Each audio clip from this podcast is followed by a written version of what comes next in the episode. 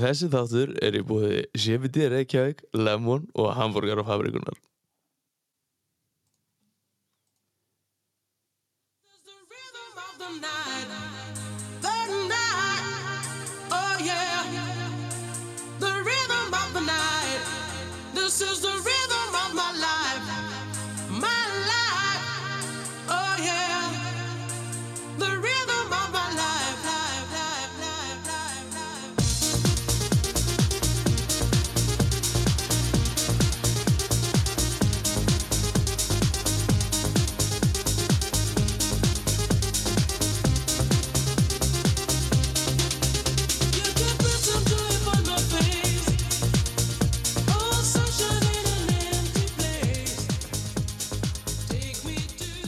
Sælir, litlu intro-tónatir hérna, ha? Þetta er, þetta er Lexi Special, sko, ha? Djúvill er þetta flott hjá kallirum. Herðu, það eru góði gestir en, en það vantar eins og þar Bersveit nokkuð, hérna, Friðbjörnsson, hann er í, í sókví, þannig að við, erum góða mann með mér í staðir, hérna, Axel Darri, ertu velkomin Takk fyrir, takk fyrir. og, og við fengum hérna það var sendt flösku skeit til suður hérna og, og, og það var sótt í einn góðan gamlan hérna, verður velkomin Alexander Kárasson Takk að ykkur fyrir staka mínu það er gaman að fá því hérna. Og eh, mín kynslu þekki svona helst sem eh, lexa.is eins og var hérna og hétt í gamlanda síðan og, og allt í eh, tengt því. Þetta var, var geggjur síðan sko. Já, þetta var snild sko, bara allt í kringum þetta geggja sko. Það er bara svoleiðis en, en hérna, við, eins og ég segi ég byrjaði alltaf eins og, og, og það er bara á því að, að hvernig byrjaður í þessu og af hverju fegstu áhuga fyrir vélsluðum sko, áðurinn í svarði Já, þá langar mér svakalega að gefa ykkur kompliment og hæli ykkur fyrir að standa fyrir þessu nummer 1, 2 og 3 ok. Og vera nýja kynslaður sem rýfur þetta allt einhvern veginn í gang aftur. Ég er ógeðslega ánægð með ykkur. Já, þakka að kella fyrir það. Mér finnst þetta Þetta er búið að kynna mig alveg fyrir því að fara í podcasti og hlu, eða, veist, að hlusta á og, og ég diggur fylgjandi þessu og ég náttúrulega hef alltaf verið diggur þess að dreifa bóðskapi velstæðamanna og smita sem flesta til þess að fara í þetta vittlýsingasport Deyja fyrir sportið. Já. Það er bara svoleiðis sko. En ég verð að kasta, þið er alveg heiðu skilu fara að standa í þessu og bara allri uppbygginginu sem þessi hópur ykkar er að gera er bara til fyrirmyndar. Takk fyrir, takk fyrir. Að kella fyrir, ég bara snortinn sko. En já, að spurningunni. Já, Bulli kannski byrjaði aldrei því að hérna mamma og pappi kaupa sleða 91 sp- Indi, Polaris Indi Sport 440 og pappi fæði sér Trail 500 SKS, geggjaður. Fokkin langur sko. Og hérna og þar byrjaði svona eiginlega allt bulli þá er ég einhvers staðar í kringum já, ég er 16 ára. Og ég er tíundabekk og ég þetta fer bara á sleðanum í skóla og svona.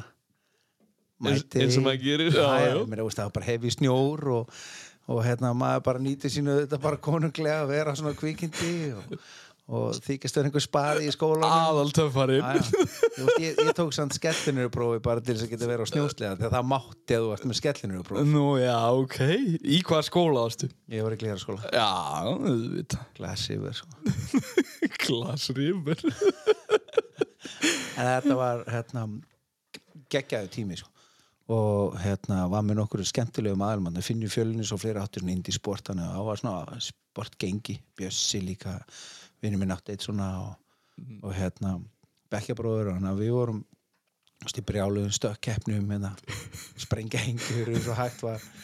Og náttúrulega Polly var náttúrulega þannig að hann var alltaf miklu stittir heldur hann átti að vera allt í einu og hann var alltaf gengið saman. og hérna kannski hérna mest eftir ég keirði hann í skurð hérna á leiðin upp í hlýðavell sá ekki skurðin stakst inn í bakkan og flög framfyrir og þá sprengdi mann þetta allt eins og ég þá allt saman með nýja skeljunum og læti og frontflippa framfyrir sig. Einstaklega góður. Heyri það. Ge- geggjaði sko. Og eitt af góðu mómentinu bara sleða sko var hérna ég fór hann í skólan og svo var einn stelpa sem ég var á pínuskótinni og var með mér í bekk og það er leiðan að grípa þessi í sleðan hún sest á sleðan ég fer aftan og hún full röra sleðan og bombar framan á bílinni á andra húsverði. Framan og kastara bara stuðara kastara sem er framan á honum bara og kengur grindina framan og Daihatsu Ferosa Já, þessi pollu er ekki í gegnum margt Ég heyri hann fikk, hann fikk alveg að finna fyrir því sko. Já, það er gott. Þar er reynd, sko, svo byrja keppni sísonum mitt og svona bara fyrsta keppni mín er aldrei neil á eh, veist, ég kepp á honum fyrst. Þá er hérna þá er spynni keppni upp í liðvelli og en galli var ég var að æfa skíða á saman tíma. Og spynni keppni byrja held ég eitthvað svona tólleiti og, og, og, og skíða keppni byrja að ellu og ég held ég gæti nú kannski alveg gengið saman sko. Mm. Þannig ég fer á, á sleðanum upp í fjall. Og svo hérna tefst eitthvað skíða í keppninu og ára ákveð að láta vaða. Og ég fer í fyrri umfyrina en nei, ég er ekki, far, ég er ekki farin í fyrri umfyrina ákveð bara hérna að láta vaða og dett semst í fyrri umfyrinni læt mig detta í fyrri umfyrinni þannig ég geti bara svona beila út úr keppninni fór svo bara beint nýr í hótel á sleðan og kerði upp yfir að svona spynni keppni var á snjúsleðan Það er sjálfsög Það er menna vel Já, það verður að fórkast svona Já, þarna, já. sko. Þannig að maður ánið 17 sko, það er allt í lagi sko. Ég ræði mig sjálfur Nákvæmlega En þú Það fór þetta ekki vel þessi keppni sko. Nú, já, já. Ég ákvað að hérna hitta hans leðin upp og þetta er hérna á flatanum þegar frá hann gunguskíðasvæði uh. og ég sé hérna Leo, en bekkjabróður minn, hann er hérna líka og hann röra upp á kettinu sínum 500 ketti og ég elda hann upp yfir hann er á neldu, ekki ég. Fórum upp í hlíðafallið lengst upp í hlíðafallið lengst upp í brekkuna, ég elda hann alla leiðina. Og svo náttúrulega bara snýr hann við og ég fer, reyna að fara sömu leiðina og svo bara allt í henni stoppa sleiði minn bara veist, í botni á leiðinu upp yfir þá bara lendi ég á klakabrinju og hann er bara stopp og svo byrjar hann bara að renna aftur og baki í botni og ég bremsaði og botnaði og það gerist ekki neitt. Og svo leiti ég nýri til maður á fokkin sko endalust langt nýra á flatan. Svo rennur hann bara aftur og bak. Svo byrjar hann að slæta aðeins til hægri. Svo greipi bara karbítanar og beltið og bara hendi mig lengst nýri brekkuna. Ég renn bara hann á raskatinu og svo líti ég upp yfir þá sé ég bara gleða kvikindi koma bara rúlandi á eftir. Kemur krassar á mig sko rýfur af mig hjálmin og brýtur hann svo sé ég að rúlla fyrir neða mig svo sé ég hútti og opnast springa, renna af og þetta fór bara í tækli sko. ég var hann bara í sjokki. Renniður, tíni rúðuna og húttið og allt þess að auka hluti bara meðan kvikið er að endastingast svona restina af brekkunni. Svo sit ég hann og lappaði græðinu hún er bara ónýtt Í maski. Kemur eitt keiranda sleðanum þá að steppi gull e, má ég hérna eiga listan á rúðuninni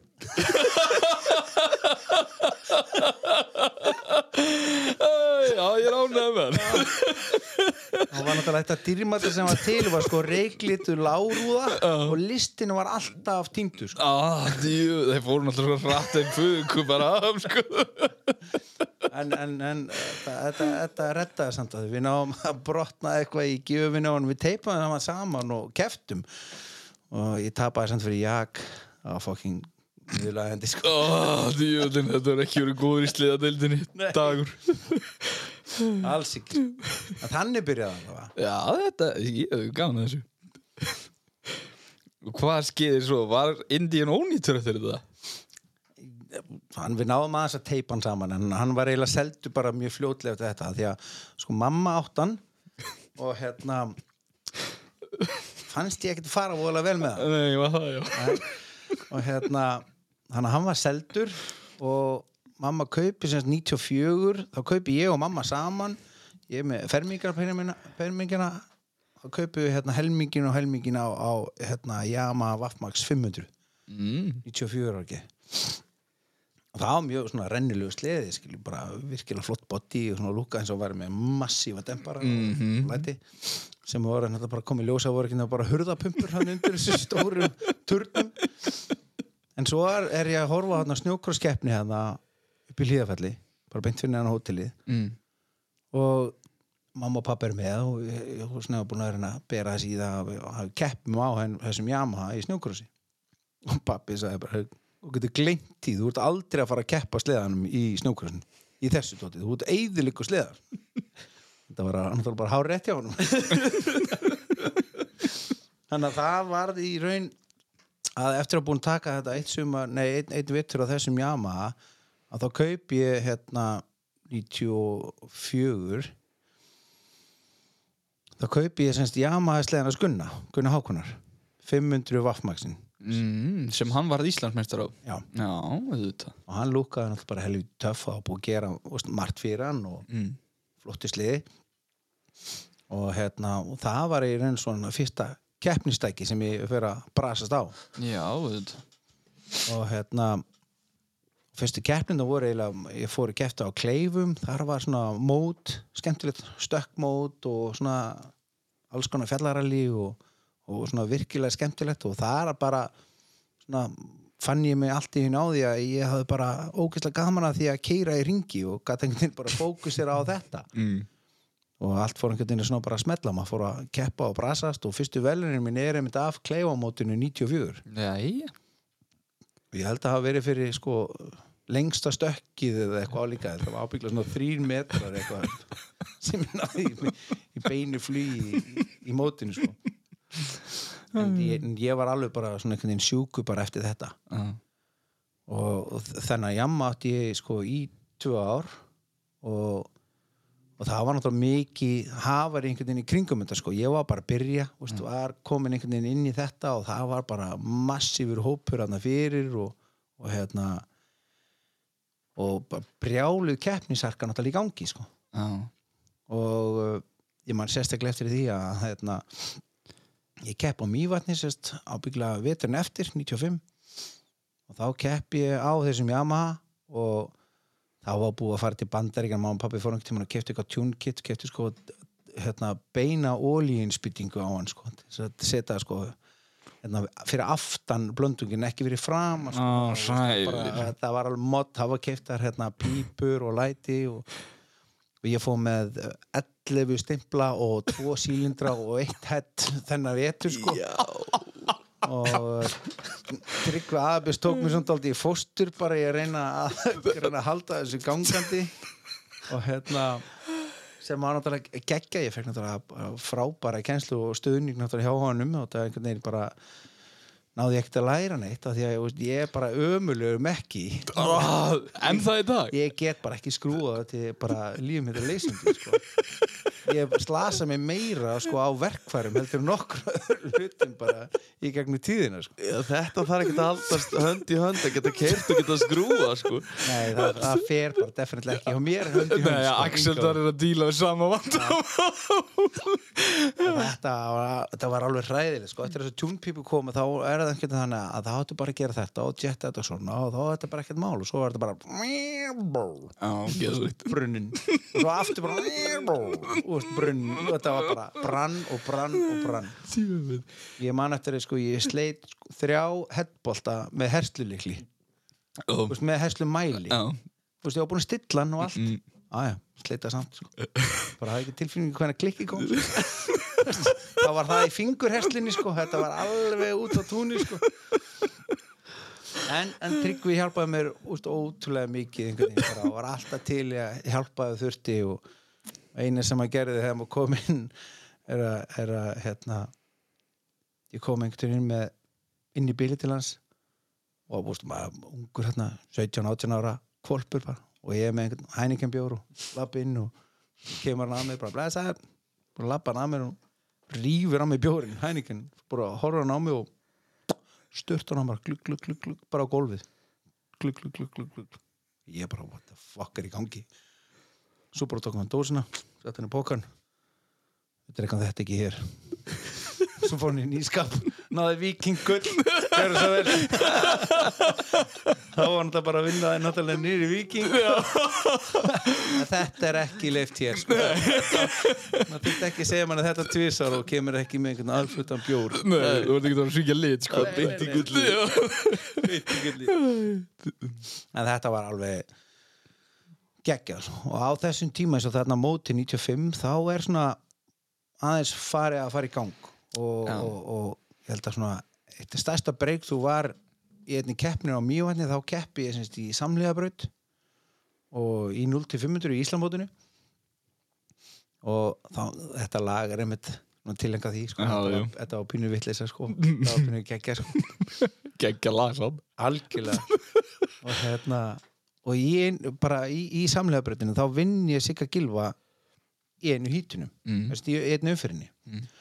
Og það var bara svona allt svona pínu vittlust einhvern veginn í kringum þetta var bara brjála við þetta var mega move einhvern veginn, ég náðu bara og honum að slæmindi og ég var náttúrulega bara kvolpur einhvern veginn á leiðinu og bara þetta bara stóð í mér og ég var bara geggjaður. Mm. og hérna en svo breyttist þetta alltaf vegna þess að næst þegar ég mætti í bláfullin Já. þá mætti ég náttúrulega í Polaris mótald eða Polaris genginu og, og þá hérna að búið breyta alltaf reglunum sko. Að því að flokkur sem heitir 0 til 500 cc og mjövatni heit 0 til E500 cc samkvæmt Polaris klubnum og það þýðir bara 440 flokkur og þú verður bara verið í 600 kubika flokk núna. Ah, það er hans búið að skilja það. Var svona Það var eitthvað, það voru óskiljulega reglur eitthvað. þetta var svona loði svona. En ég maður þegar að Íslefu kom og þeir sem voru í búin ætlaði eitthvað svona að fara töði yfir í súan það það er bara snúið á punktinu. Nei, nei, þetta er bara svona farðu. Grjót harður hópur sko. Ég er ánægð um pólitíkina, það er bara svo leiðis Það átti ekki allir að hafa ganga vel á þessu tímum, það er bara svo leiðis Þetta, en það var samt eins og í kringum þessi ár sko, var rosalega gróska í mótorsporti á Íslandi bara yfir höfuð, þú sér bara eins og þessi þættir sem voru í gangi á þessu tíma bara um allt skilur Já. það var allt milli heimins og jarða alveg á útofnu sko. Já. en sem gerði þetta bara þeimun sætara sko, þetta verið algjör snild sko, menn það geta valið um mörgu þarna sko. Já, þetta var byggi bara á og þeir vonandi bara úkslega duglega að gera fullt af Já, motorsporti, við vorum með tímarit um þetta, 3T, Gulli og fleiri voru svona fylgjandi öllu þessu eftir og það var mikið skrifað myndi blöðin líka og Mm.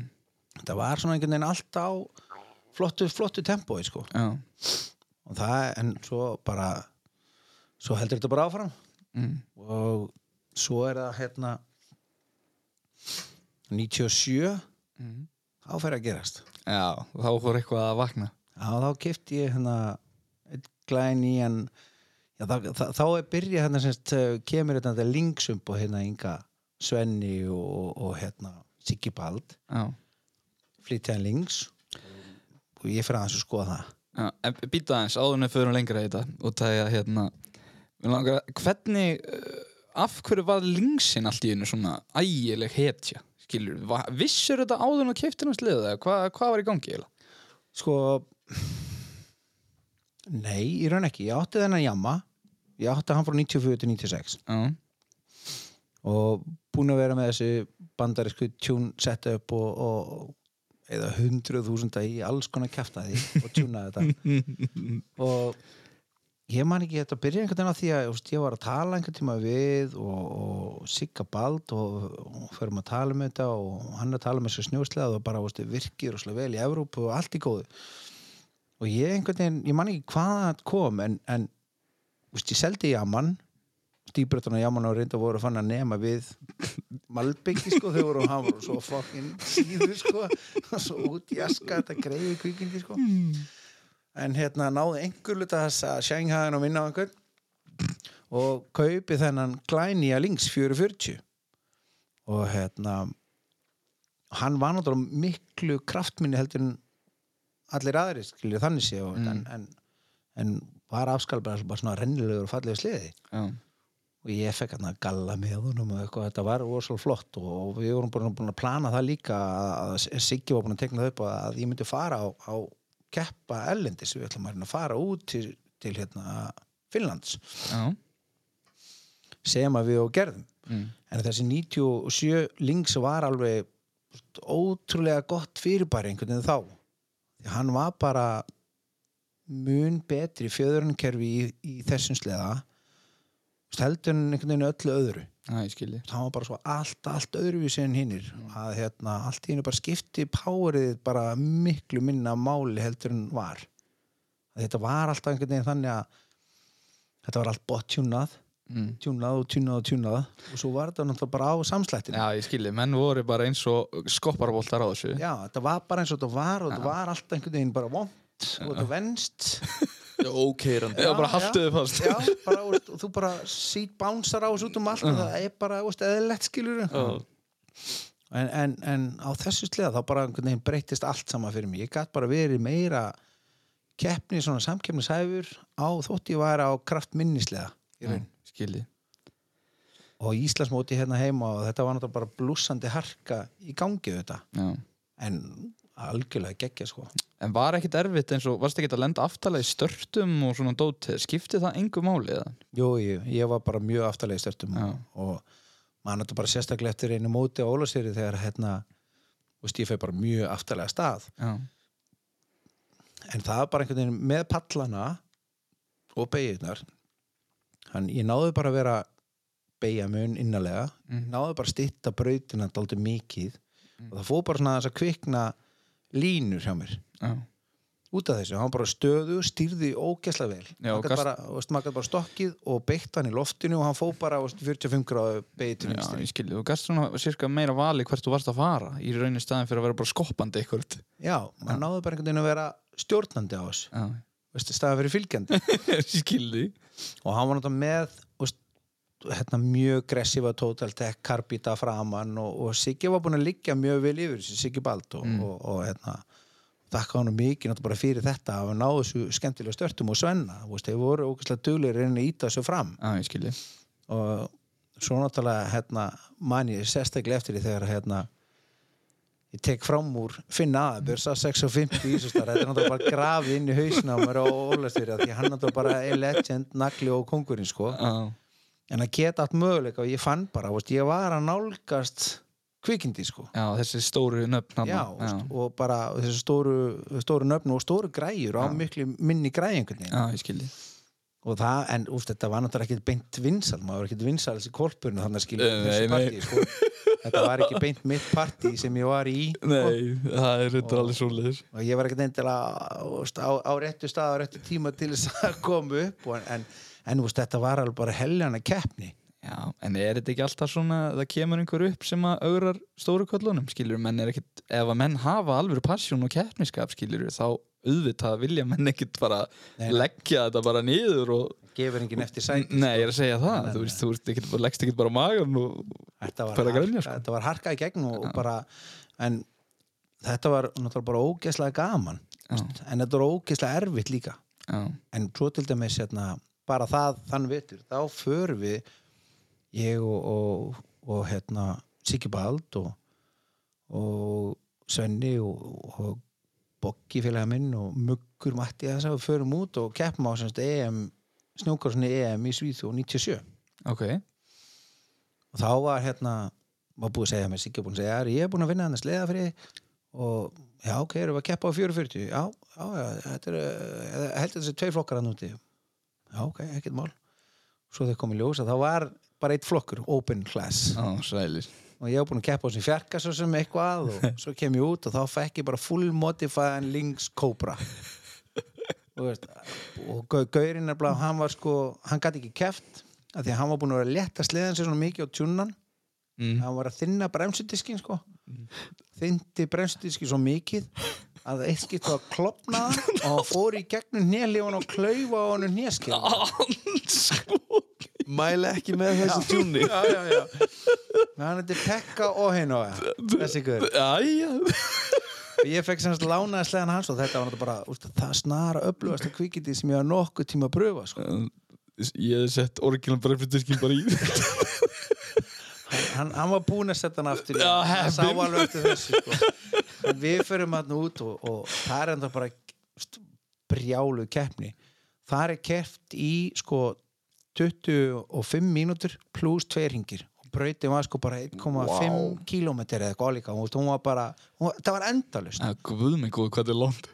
Ég fer hann inn og það tekin einhver svona æfing og, og, og reysað og ég er svona, kemur ljósa í lokin og þá er ég semst annar varamaður inn í úslitahíti Ok, og hérna og ég bara ok, kekkja, svo kemst ég inn í úslitahíti og þarna er ég að keppa á móti um, Tony Hækonen og Tommy Amasal og, og, Mm. og, og, hérna og Lars Jóhann og þessi sænsku misturinn og, Já. það var svona og það voru brautin var geðveikt svona þryggjametra háir vúpsar og þetta er fyrst ekki sem ég sé vúpsa á efni Já. og þetta var bara fokking fjöll í röð Mm.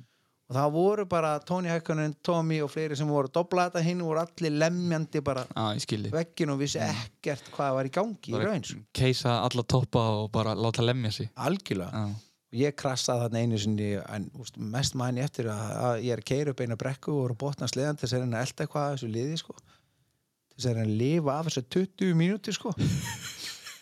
ég man eftir sko ég er hangi á sleðanum bara svona fingur gómunum bara, og bara ekki misa fucking grið sko, ég sé algjörlega bugaður á græðinu sko. þetta var algjör shit show fyrir mig sko. Og hérna þetta er svo grafið í hausinu á manni sko, hvað þið fucking erfitt þetta verið ég hef aldrei fagnað þess mikið að sjá bara hvíta flaggi það var búið sko. Þetta var fucking ræðilegt. Shit, maður. Það er rosalegt. En, en það er svo bara einhvern veginn kom svo mikið Það hefði, þörfi í þetta eftir þetta líka. Já, ég skilji. Það, það hefði þurft að sækja mig með sjúkrabíl, sko. Að þetta var Nýju mínútur í dag, sko, ég bara, þú veist, ég einhver hósta lungunum, sko, ég hefði verið 25 mínútur eða eitthvað, það væri bara, þú veist, það hefði verið menn með hjartastuð tækja Það er líkbíl en ekki sjúkrabíl Það er bara svoleið, sko. Það, er- og, og var kort er í það auðvitað bara, veist, maður samt við vorum náttúrulega bara þarna bara típiski og þetta var. Við vorum bara ungir og fullir og skemmt okkur bara, veist, þetta var bara alltaf veistla Já, alltaf gaman? Já, bara passa sig að vera ekki fullir kvöldi áður og svona. Það var svona íþrótt að þeim að því Lítli metnar sem ekki detti að í kvöld. Þegar keppna á morgun. Ok, geggja Já, já. Og manstu hvað það endaðir í þessari kefni? ég var bara hann einhvers staðar í fjóruði, fymti senast það var einhverjir einhverju meiri byttur en ég sem voru aftan voru einhverju rússar og, og, og svona, en maður kynntist auðvitað bara fúst, lagar af fólki þarna Já, og sem í dag er bara komið í, í fínastöður Janne Tappi og kynnis maður þarna og Mm. Tommy Amasalo og pappa hans Erik Amasalo var bara einn af hérna, hérna, þróunadeildin í, í Bombardier í Finnlandi Mm. og, og hérna en að, maður er alltaf náttúrulega bara að sakka einhverju vitnisku og búa til einhverju tengingu hver sem maður fer sko. Já. Það er, þú ert reyndur alveg með lag á því, sko Að kynnast allir þessu fólki, sko. Það er rosalegt, sko. Ég meni, sko flesta af þessu fólki sem maður búin að hitta í gegnum tíðina ma- úst, eru bara vinum hans ég er farið að hitt fullt af þessu fólki og tók jólinn í bandaríkjunum bara hjá vinnum þar og hann þetta er bara maður bara býti tengingar og ef maður bara lúir að þessu þá bara veist, á maður alltaf vísan hvað sem er að því. Við erum alltaf sömu vittlisingarnir nákvæmlega. allstæðir í heiminu sko. Nei, ég skilji, þetta er bara eins. Það er bara einn stór fjölskylda vittlýsingum sem er glæsilegt. En e, þegar þú keiriðir hennan vélslega þarna á sínum tíma var þetta 800 móti eitthvað svoleiðis? 6 og 70 6 og 70 mót. Lynx. já, sæli Cobra Body. Já, en hann var hann ekki var þetta kraftmisti snjóslið sem þau prófaði? By far. By far. Já, það er svo geggja þetta- skrási í 25 minúta kefni á honum.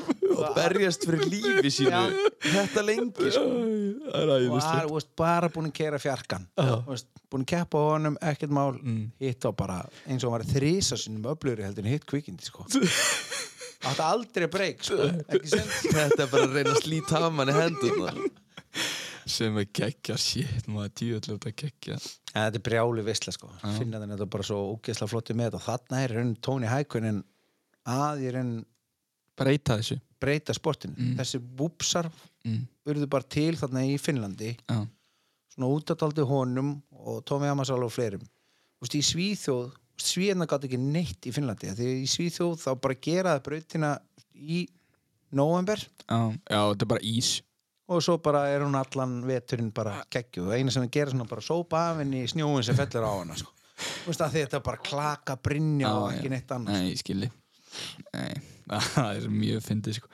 Ég vil að finna þetta séu ennþá þannig hjá svíum. Þeir eru ekkert búin að breytast með þetta sko. Þetta er bara, þú veist, ennþá í dag sko og, og meiri þess að naglar bannaðir og allt vond sko. Eins og ég er búin að tala um oft sko þetta er fyndið að þeir hafa ekki ennþá farið í hináttina sko með að finnar hafi verið komin á 95 eða 7 eða hvernig þetta var. Það er unni bara einhvern veginn í snjónum en það, þegar við fórum sko, ég fer svo árið eftir, eða tveimur árum eftir þá fer ég með nokkrum Íslendingum hérna og við fórum á öðrum links, 2000 linksinum Ok, Millennium svartakvikinir í 747 uh, sælir. Og keppa honum í Svíþjóð. Ok, og förum hérna ef mann að vilja Dan fór með okkur út og, og Átni Grant líka og og veist, þetta var alveg sirkusin af vittir sem fór með okkur út. Og veist, Átni Helga og fullt af genginu og Bjössi í heisauðlingum og mamma og veist, og, þetta var alveg haugur á fólki sem fór hann út. Uh, og þetta voru gessalega bilaði keppnir og þá var þetta bara akkurat þannig að menn fór að stað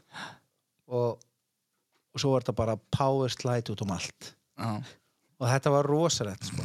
Státni Grant var að kera hana fullu og við vorum allir að reyna að kera eitthvað fullu og bara kunni engin á neitt sko. Nei. svo komum bara svíðna þau bara dönsuðu kringum hann sem að veri fáviti sko. og slæti gegnum bröndi algjörlega, við að reyna elda battana menn hinn var bara spólandi út á beltinum að bara aðal tjúni á þeim var að sko skera blöðkunar á beltinu í drasl nú, það var megatjúni þá sækir sko gripið í ísnum sko millimetri sólunar eða mikroskerð beltið jésús þetta var svo leis lítur beltið þó bara út eins og endin á bílaþóttastöðinu bara menn voru bara að keira bara, úst, er, við erum bara á 16 mm belti og mikroskori. En við vorum hérna mesta tjúni okkur var að þegar kom hérna 25 mm belti skilju. Sæli það var bara geðvikt sko. breytti sporti okkur bara. Hjús, nei, þá fóru þeir bara í gamla 91 indie-beltin og gáleik og mikroskori. Sko. Skára, það er ekkert aðeins það er eins og sé hælúksar að keppi þetta bara, þú veist, þeirra, þeirra tjún var ekkert þannig en, en, en það sem þeir gátt í beigjum var bara fáralegt sko. Það er alveg fáralegur akstustíli sem var hjá þeim að því að þeir stýttu brautina bara um helming þeir fara bara inn í hann innst mm. stökku eins lágt og hægt er og, og hérna ég maður hann rétti þegar að, Birgir, fyrsta skiptið ári eftir ég er á, á Linksin 97-98 að þá býði hinga hérna kynnist til Lars Jóhann Edd sem er sannsku mestarinn í snókrossi og hann var svona að hjálpa mig mikið í tjúnin á, á sleðan ok. Ég flytti inn 747 mótor frá Finnlandi og seti þennan fjarka. Já, en það er sama fjarkar sem varst á árun áður? Já, Ok, kepp og honum held í 99 þannig og, bjóðum honum að koma hinga heim og, og Svenni og, og, og í bílnæðastunum þá og bara svona hjálpum allir saman að búa til og fá, fá þennan, þetta kvikindi hinga heim. Og hann tók hann 6 og 70 sleð held ég hjá Danna hérna í Gallaboksnabúðinni, fekk hann lánaðan og hann reyf hann í spað og endurbyði hann aftur og hérna breytt honum algjörlega. Svo kom hann á þessu stokk 6 og 70 og hann það bara hann snýtt okkur. Bara bókstæðlega snýtt okkur. En það sem honum var skemmtilegast að hann hafði aldrei kynst þessum brautin sem að við vorum að keppi hérna. Mm. Það sem Helgerinn og Átni Helga og mm. voru að búa til Ólafsvílu var bara stjartfræðilega flott. Já, brjálaði battar, geggjar geggjaði pallar og hérna, umgjörum var bara veist, alveg upp á tíu. Og það voru löngu verið fram með síðum öllu með brautagerina já, Aksturslefileg hans var bara það gott að hann bara hann Að snýtti okkur strakt bara, já. alveg leið, sko, Mm. snýtt okkur leið.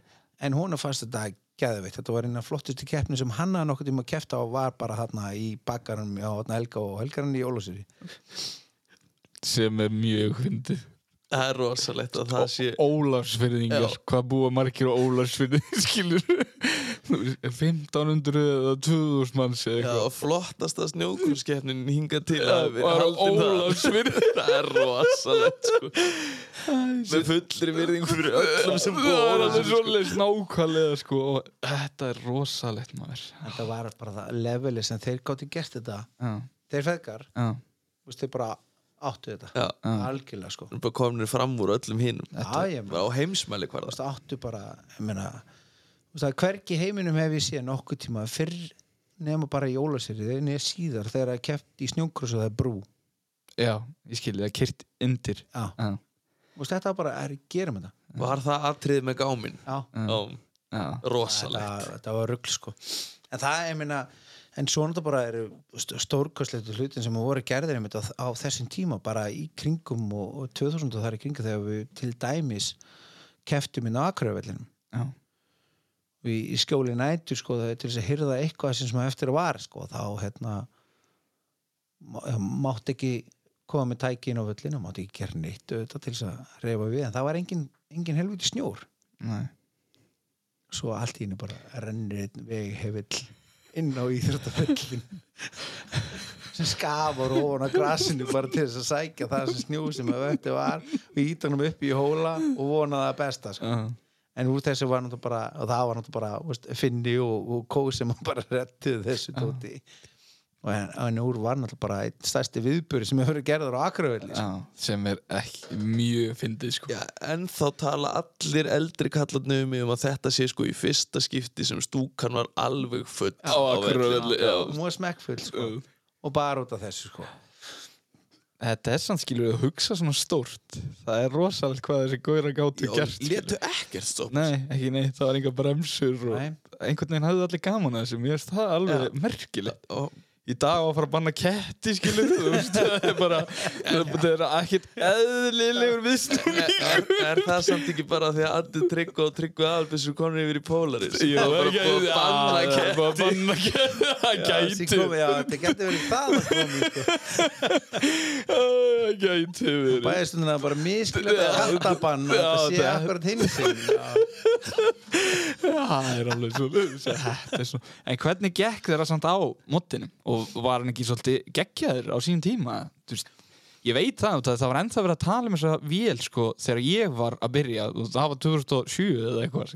Sko þegar 747 kemur 2000 Já, þá sko var ég og Steffi Bjarna og minni Átni Grant sem að fengum þessa þrjá bara faktur í 747 frá links ok. 2000 kom, ég held að kom þrýr þrýr hérna 747 mm. þetta ár 2000 og, og þetta var svakaleg svakaleg vel sko Já. og ég, ég hérna ég hef aldrei kynst þessu togi sem kom út úr þessu mótor 747 kemur sérst út jetski Mm. og hann er framleitur sérst í einhver jetski í einhverja í keppnis jetski og, og þetta kemur held ég frá hérna Janne Tappi og þessi pæling að nota þennan mótor þegar Bombardi er átti þetta herri, við höfum þennan mótor mm. hann er geðvökur hann er 747 og hann skila einhverjum mann í hvað mörgum hestöflum sko 150 60 þá sko Mm. en tóið var bara allt, allt annað fucking level sko. Þú veist, það var, bara, var endalust röðunin einhvern veginn í honum og hérna og, og sem 670 skíti sem var alltaf öfluð þá þú Já. veist, hann átti ekki róði neitt af þessu.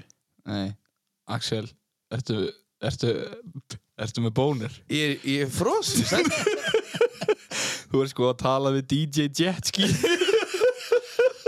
Og ég man sko Þú ert að gefa svo vondar hugmyndir. Þetta, þetta er svo og, og sko það er svo skrítið við þetta það fór eins og nokkrum ári setna sko var að leita að stimpil í þennan mótor. Ok, og ég fann hann semst, í tuning shoppu í Hollandi. Af því að hann er ekki til sko í Bombardier. Nei. hann er ekki til á listæðinu þannig þú getur ekki keft þess að stimpla. Nei. Það voru bara til í mod shoppu jetski shoppu, mod shoppu í Hollandi. Og ég var búin að leita halvan heiminn bara til þess að reyna að finna þennan mótor. Hann var bara í þessa mod shop einhverjum einum galdra galli. Gæti fengið tvo stimpla bara til þess að þetta. Var rosalegt kvikindi. En voru hann í gangvið sér eða? Já, mjög, Já. ótrúlega. Það var aldrei vesinn, aldrei úrbræðslega neitt sem ég, sem ég lendi í sko. Nei, ok, það er alveg ge- geggjað Þetta hefur verið svona gott. En þú fórst upp í þennan sleða úr 440 Já, já, þá voru við búin að að ég mottaði, ég fekk sérst að flutti inn mótor og Siggi og, og Stefn og Svenni. Við fundum þennan 747 uh, og fluttum hann inn frá Svíþjó svo seldi ég hann og kefti þá nýjan 2000 sem var með 747 mótornum. Mm. og, og, þá, gekk allt betur en, en 747 sem við tróðum saman hann var alltaf eitthvað djöfisins vesina hann var Já, ég Það var það var eitthvað grabbminn sem við náðum ekki alveg fætt það var bara betra að losa við þetta. Skera á kaðalinn láta vara. Já, já. Er ekki það, þú fengið þarna miklu betri 747 í staðinn? Já, það hann klæni hann sko. hann var geggjaður. Já, það var nefnilega og geggjaður vetur í, í raun. Svona ég fyrir út og, og það, þá erum þetta fyrsta skipti sem ég fyrir út hérna til bandaríkina þann vetur já með tuðurslega já og hérna mm,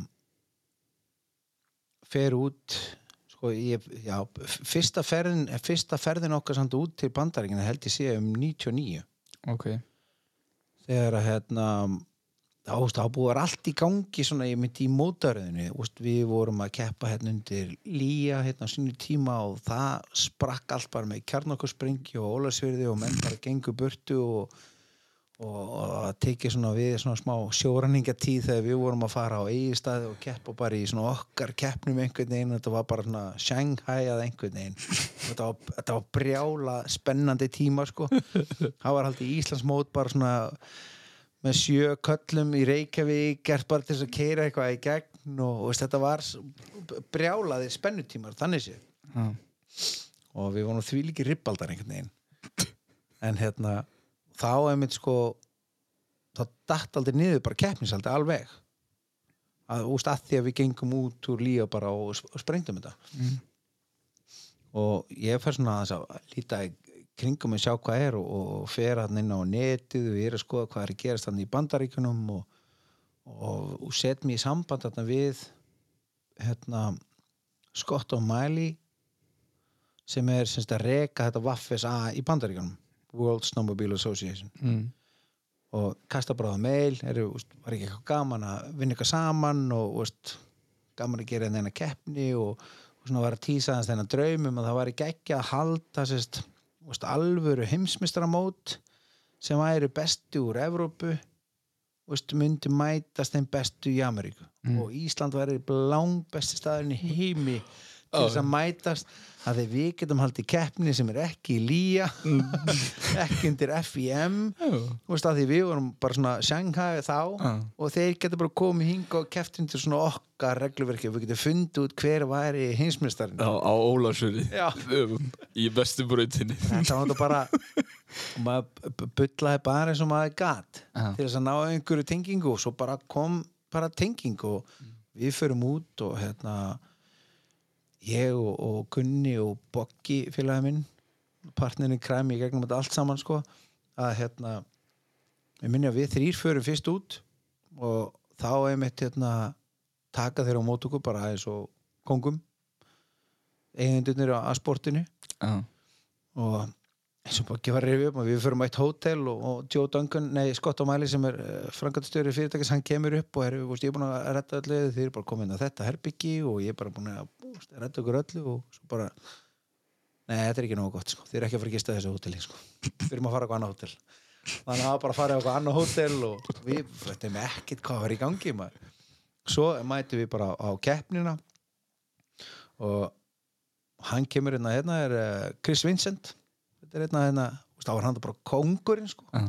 komur að hafa hérna, á toppnum og hérna endilega og getur séð hérna hérna trailin og kynnt okkur fyrir allir krúinu og læti og bara topp tími sem var hérna og, og sagði hérna, viltu ekki grípa eins í sleðan og testa þetta og ég bara, jú, gæði þetta svo stekki upp á hérna fullmotaðan 800 skýta og hérna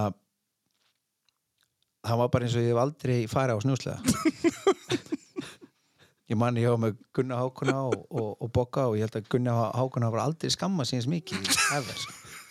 að ég stóð upp á sleðanum veist, og svo ítti ég á gjöfinu og vanlega er þetta bara svona bram, af stað. Og þarna kom bara brr, brr, og hann nánast hendi mér af sleðan ég sli, veist, og ég gerði þetta aftur og aftur. Og ég var bara jésus, hvað er í gangi? Sko? ég gaf í og greip og ég bara það var bara eins og ég fáið það var bara eins og ég hefði aldrei farið að snjósta á þig. Og ég bara, hvaða skrýmsli er? Þú veist, þetta er ekki veist, þetta var bara einhver eins og mega fucking spynnugræð sko.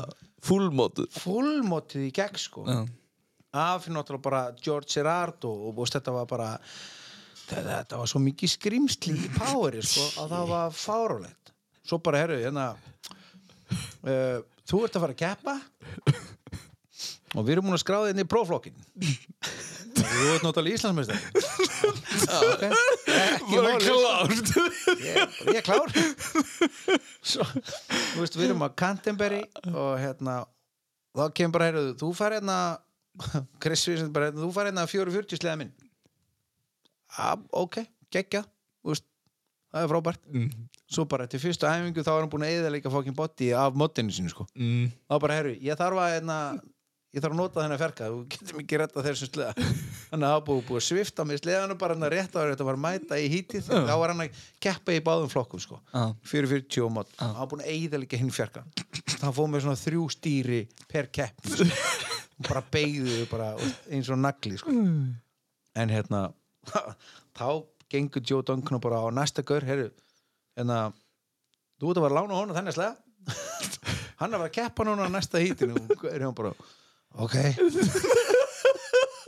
Brjálaði sveita turku frá Íslandi sem bara fekk varaslegan hans og keft á honum. Og þetta var svo þetta var svo þess að, að maður tók hann þátt í fyrsta skipti og fór hann í æfingaring og brautin var svona úst, ógeðslega smúð langu bittkabli tabletop battabeja og svo úst, snúi við og uppbyttir og, og það er á annu hérna stór stökkpallur og svo bara hægri beigja og vinstri beigja og þetta var bara svona búðalega basic sko, var æfingin var bara mjög flott. Mm. og svo hérna svo næsta hít átt að gerast eftir einhvern klukkutíma. Og þá voru 1000 snjóslega búin að fara í gegn og keppa í brautin 1000 1000 1000 um, búin að fara hann í gegn sko. Og hún hefur bara verið fín eftir það. Svo bara mæt ég á ráslinu svo bara úst, af stað og úst, ég var nánast bara úst, ég tapaði mig bara þarna úst, ég vissi ekki hvar ég var sko. ég var bara komin onni bara svona haf af bara vupsum út um allt með engum rytma úst, ég var bara skallandi stýrið og lætið mig bara hvaða spott er þetta eiginlega úst, úst, ég var alveg týndur sko. og þetta var svo erfitt. Og, og ég fór upp á einhvern stall sem ég man eftir að átti vera bara svona bittkabli niður. Það var bara þryggja metra dropp. Þú veist, og ég er ekki einu sem grínast með þryggja metra dropp í brautinni sko. Þú veist, ég fór bara onni úr. Hún var ekki hún var ekki göngufær brautin, þú gast ekki að labba hana fótgangandi sko.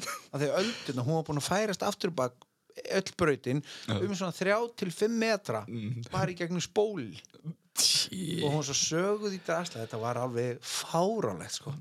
og maður gæti ekki trúa að var þetta að kera hratt á þessu Nei.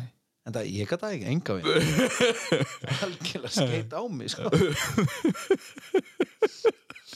það var svona fyrsta testi sko. en, en, en hvernig var að horfa eftir hinum þá þannig að fljúandi svo teppi yfir allt drasli ég sá ekki neitt sko. Nei, það svo ég sá ekki neitt hvað var í gangi svo bara horfði ég úslitinn og, Já. og þá sá maður náttúrulega- þá voru kongarnir að berjast við þetta Chris Vincent og hann bara brjálaðu nagli, hann stökk svo ógeðslega langt og hann lendi á miðjurhrygnum eða bara í úst, brúninni á pallinum skipti engu máli sko. Nei.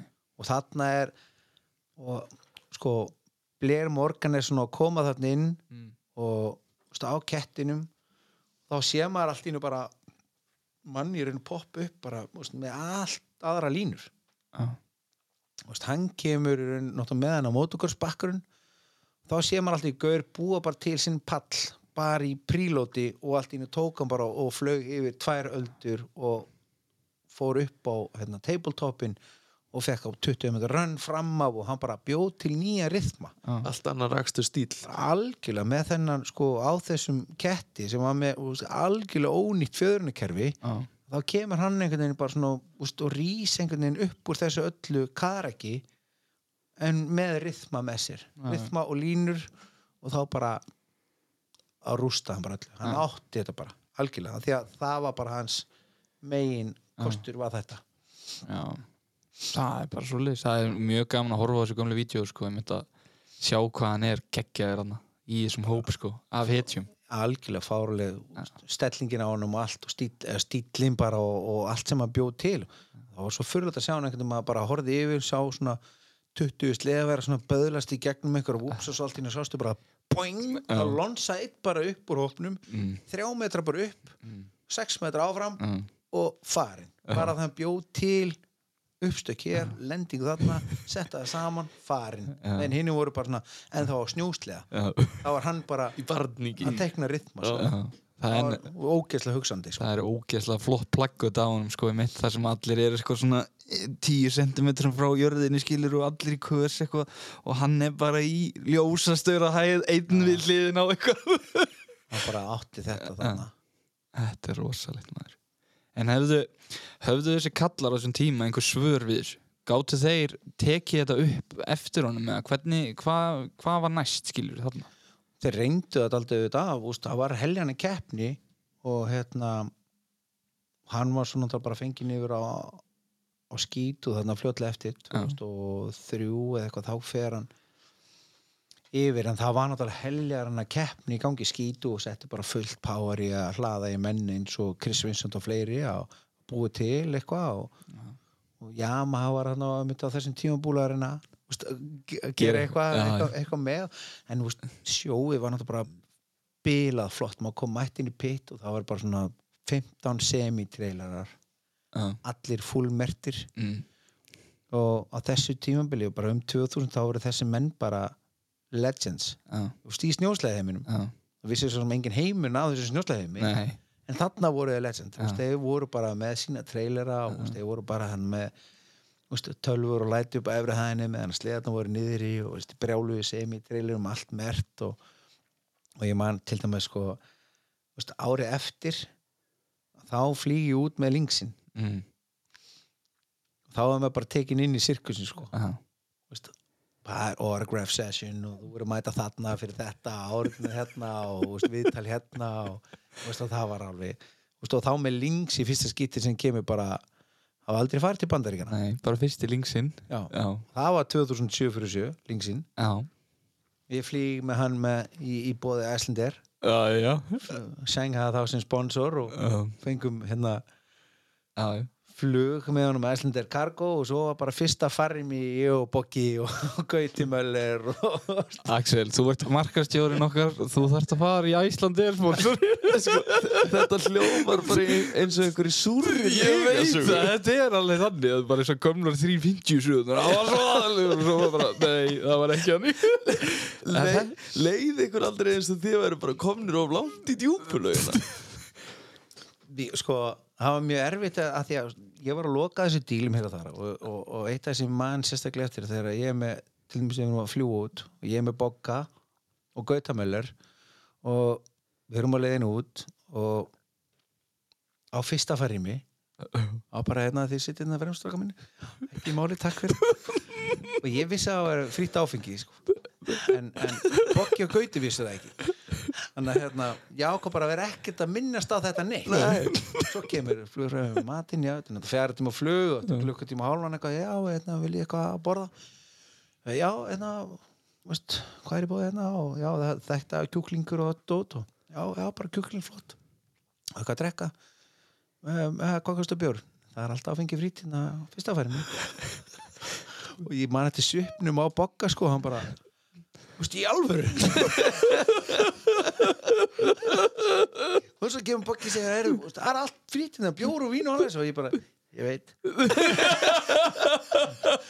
Það er ástæða okkur ég veit ekki segja eitthvað frá þeir tveir náttúrulega voru aldrei duglir á þessu tíma og við vorum bara allir ókvæmt ég var svo að reyna að tempra eins og hægt var.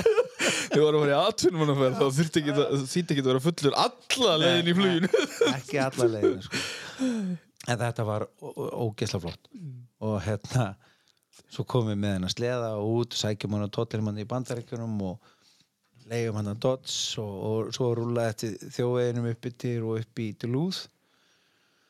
Og hérna var rosalega margir höfðu áhuga á þessum sleða. Hann lukkaði pínu astnalega með alla hina Já, ég manni blöð eftir því að það er ekki droslega hátt upp í stigbrettin á þeim og svoleiðis eða ekki, þeir eru svona eins og byssukúla einhvern veginn. Já, og svo er mjög lágt undir á framann og hérna það er til einn mjög góð mynd af honum er reyndar hérna einmitt í og þá sko sést hann lenda og riðu fram fyrir í snjónum. Já bara svo plóður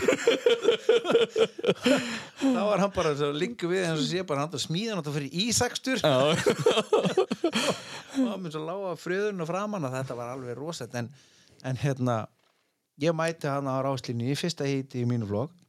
Í Open. Í Open, Já, Pro Open. Og svo að maður kemst ekki niður maður kemst, ekki niður ef þú prófið Nei. svona, þú getur ekkert farið það er bara þú ert, og þú ert Pro Open keirari, alltaf sko.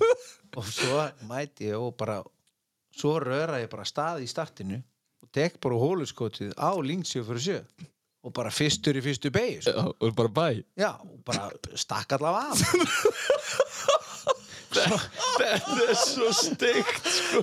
það var allt vittlust þetta bara upp í stúku og læti því að gaurinn á hérna, mikrofóninu Greg Krímur hérna, vinnu minn skilju hann bara, veistu, hvað er að gera kemur hérna The Icelandic Assassin.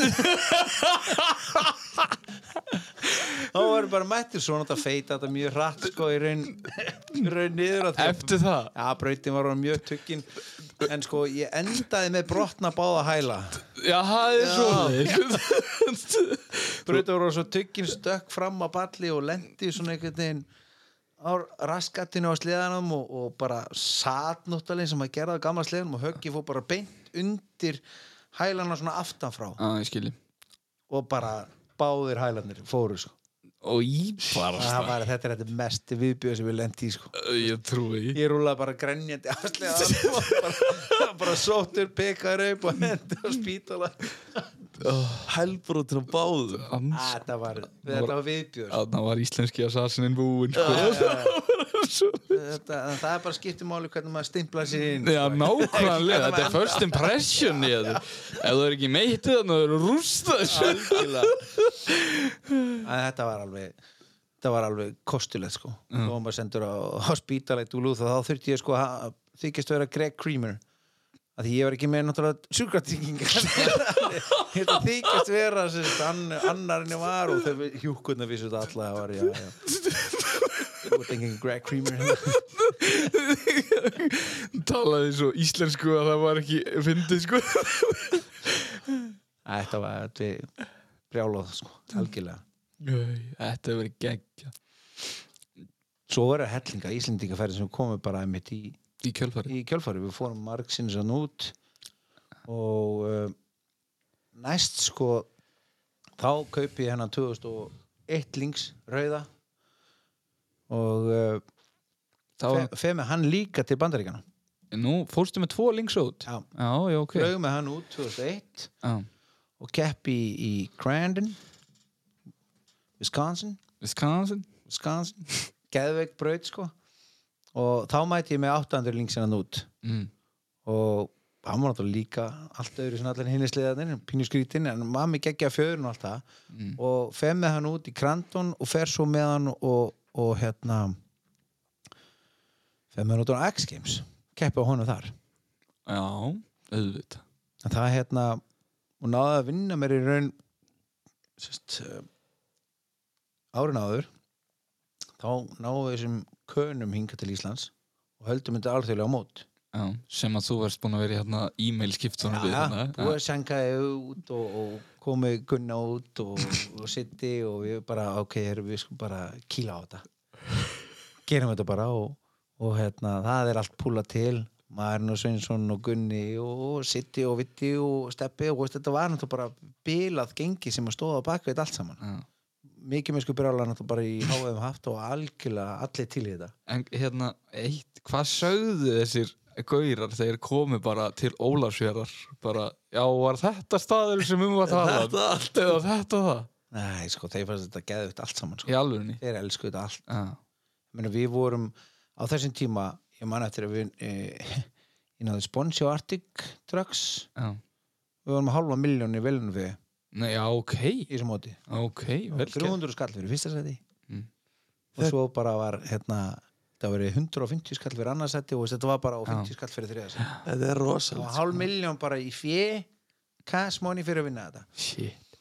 Og en sirkusin var náttúrulega bara ótrúlega við vorum náttúrulega með Kana við vorum með hérna Rússa og við vorum með Finna og við vorum með Normen Pól Grötte, Gerjöran Sara og og við vorum með og veist, ótrúlega lager af geðveiku fólki sem kom bara hinga og það bara það hafði aldrei kynst öðru eins Vist, kananir höfðu aldrei kynst öðru þeir náttúrulega gáttu alveg kunna alveg stökkva og gera alltaf græja en þeir bara umgerinn og allt þetta og hvað við vorum að púla saman út úr engu skilju var bara stórkostlegt. En það var náttúrulega bara átna helga og helgarinn er að þakka að við gerðum náttúrulega bara brautir heimsmæli hvara Já, þetta var það er hægt að gera þetta svona Nei, þetta er ótrúlegt. Það var, ekki, það var ekki hægt á Akureyri að gera þetta. Nei, nei. Það var bara þarna Já, voru ég menn veit að til ég henda Já, auðvitað. hundruð þúsund miljón Ég er líka svæðið þó, að ég, þó ég sé að gera grínskilur og eitthvað á fokk en þannig að svæðið Ólafs er geðveikt. Og mér er bara svo fyndið að sé svona stórt á Já. heimsmæli hvað það eru menn sem eru tilbúin að deyja fyrir Já, sportið það er alveg svolítið sko. Það er meina, við pú- púlluðum saman og, og, og tísina var að sko ég te var teknið fyrir þá að þeim myndu búa til X-Games sæti fyrir Skandinavi búa. X- X-Games var bara í bóðýrun fyrir Amerikana og ekkert annað. Nei. það var ekkert búið fyrir Svíja, Norðmenn eða neitt af þeim að taka þátt eða finna. Þannig að tísu okkar var að tala við okkar tengiliði sem voru búin að tala við undanfarn ár spæði Svíjana og Norðmenn og finna að velja svona þeim svona daldið rjóma þar draga hann hingað og keppa. Já, reyna að koma að ná þessu sæti. Já. Já, en svo náttúrulega að því að maður var náttúrulega í miðru viðraðum á þessu öllu saman að þá var ég náttúrulega aðeins að sænga líka þokkabótkast og var ekki geggjaflott að við myndum enda þetta á Íslandsmeistaramótinu og að Íslandsmeistara myndi fá sæti á X-Games líka. Já, já, eins og svona tóis på aðeins að- aðeins að sænga Já, betra aðeins að tróða mig hvort að það var ekki og þeir bara, jú, ekkert mál. Frábær hugmynd. Geggjaður. og þá þurfti maður bara að vinna í því en, en það var hins vegar mjög rough, tough season fyrir mig. Já, að því að í, eftir ég kem frá hérna, mótin út í Duluth í raun ekki eftir halbróti heldur, heldur ég kem heim og þá kepp ég sérst að fyrsta byggamótinu á Dalvík á höfninni Mm. og stekk af eh, sérst, stekk upp og það er semst bógin karbítur á öðru skíðinu og sliðin fer bara svona á hlið í loftinu í raun og ég ætla að beila á honum og gengur ekki betur en það heldur ég festist í fótstíðinu og lendi bara hliðinni á mjöðmabeininu og, og bara á klakabrinnu já, og bara við það þá semst ripnar hérna lífbenni í sundur hjá mér. Já, gaman að því. Já, ég raun mjöðmagrind að brotna Já. Já, og lífbenni bara svona overlappaði hitt og það fór allt bara í, í klessu. Ægileg meðisl og hérna ég fer upp á spítala og hitti áskýrðan að læknir á Dalvík sem var að læknir á Ólafseri og maður búin að kynna stóra nokkur já, búin að hitta hann bara, hvað, hvað þarftu alveg sem Er- ég þarf allavega deyfingu henni með ömuna því ég, ég, er- ég er drepast í nú það bólgaðandi, ok, ekkert mál. Hann gerir bara eins og maður baði um sko. Og svo bara fer ég nýttur og ég gati raun ekki gengið. Þannig að hérna en ég er svona stöðlast ásliðan í fyrstu umferðinu og, og, og, og næja að vinna sérst fyrstu umferð. Mjöðmagrindabrotin já, og svo á bólguðandi svo í öðru hýtti þá lendi ég í, í krassi hann upp í einni bein og detta af og svo ætla ég svona hlaupa að stað til þess að kipa sleginum í gang og stegi í vinstri fótinn og þá bara gerðist þeir ekki neitt. Og ég ney bara svona niður. Klára það, þá umferð og það þurfti semst að bera mig af sleðanum að ég var svo bugaður og var borin inn í, í, í, í skýra semst, kassabílinn sem ég átti þá og var með svona leysibói stólu í honum svo fyrir þriðja úrsliti híti þá bara, þú veist, ekki að fara að keppa og ég bara, ég get ekki hennar sko. og ég á borin á sleðan fyrir næsta híti sko. og svo klára ég það híti í einhverju fjóraða, fymta sæti og enda ég over á þriðja sko. en ég var nánast grenjandi af verkjum bara og bugaður andlega Skrít- og þegar ég kláraði þetta, þetta mót sko. skrítið en þú hvað þetta á að gera í landmaður og það var bara ekkert annað hætt og úst, helgerinni var steyðið með hann á pallinu sko, því að úst, ég var svona astnalegur einhvern veginn og svo bara fer ég til læknis og, og ég var með svona blóð hlaupin einhvern veginn allir þetta nýra hnjám báðum einn og náttúrulega fatta ekki neitt og ég fer upp á spítala og tjekka á þessu na, það er hérna það er engin blæðingin innvortis og þetta er bara ábyggjur að eitthvað, bara, eitthvað mar. Já ok svo er maður að reyna að þjálfa og kera sig í gang og Íslandsmóti er að byrja og ég einhvern veginn lappa alltaf í svona mörgæs og, og er ekkert að keira voðalega vel og, og hérna þetta er svona hnóðast áfarm einhvern veginn svo fyrir aftur upp á spítal einhverju fjóru viku setna bara eru þú veist það er eitthvað að nei, og kíkjum að nei, nei, það er ekkert að það er ekkert að. Og ég held áfram að reyna að treyna og hlaupa og úst, gera full S-treyning í gegnum þetta allt saman sko. Og alltaf bara er ég svona sæmilegur, ég er ekkert góður, ég er að vinna eitthvað mót og eitthvað, en ég er aldrei eitthvað í neinu toppleveli hangi bara svona með helgarinu, við erum að bítast á bara fyrsta annarsæti svo hérna fer ég þriða skipti þá er það fyrir sérst alþjóðlega móti þá verið senast skipti upp á spítala bara eru það er eitthvað að. Ég labba bara svo mörg að það er eitthvað bóið er eitthvað skatt. Ég fer svona gegnum lýsingatæki og þau taka mynd og segja að við sjáum eitthvað mismun hérna á meðamagrindinu ætlum að fara með því svona gegnum lýsingatæki það svona stendur og þá svona kemur í ljós hvað er í gangi. Ok.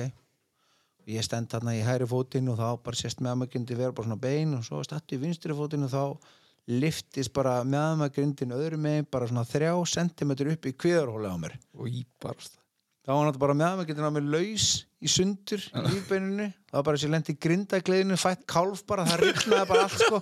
Og það var bara allt í mess. Og þau bara, herru, við verum að taka þig bara í aðgerð strax.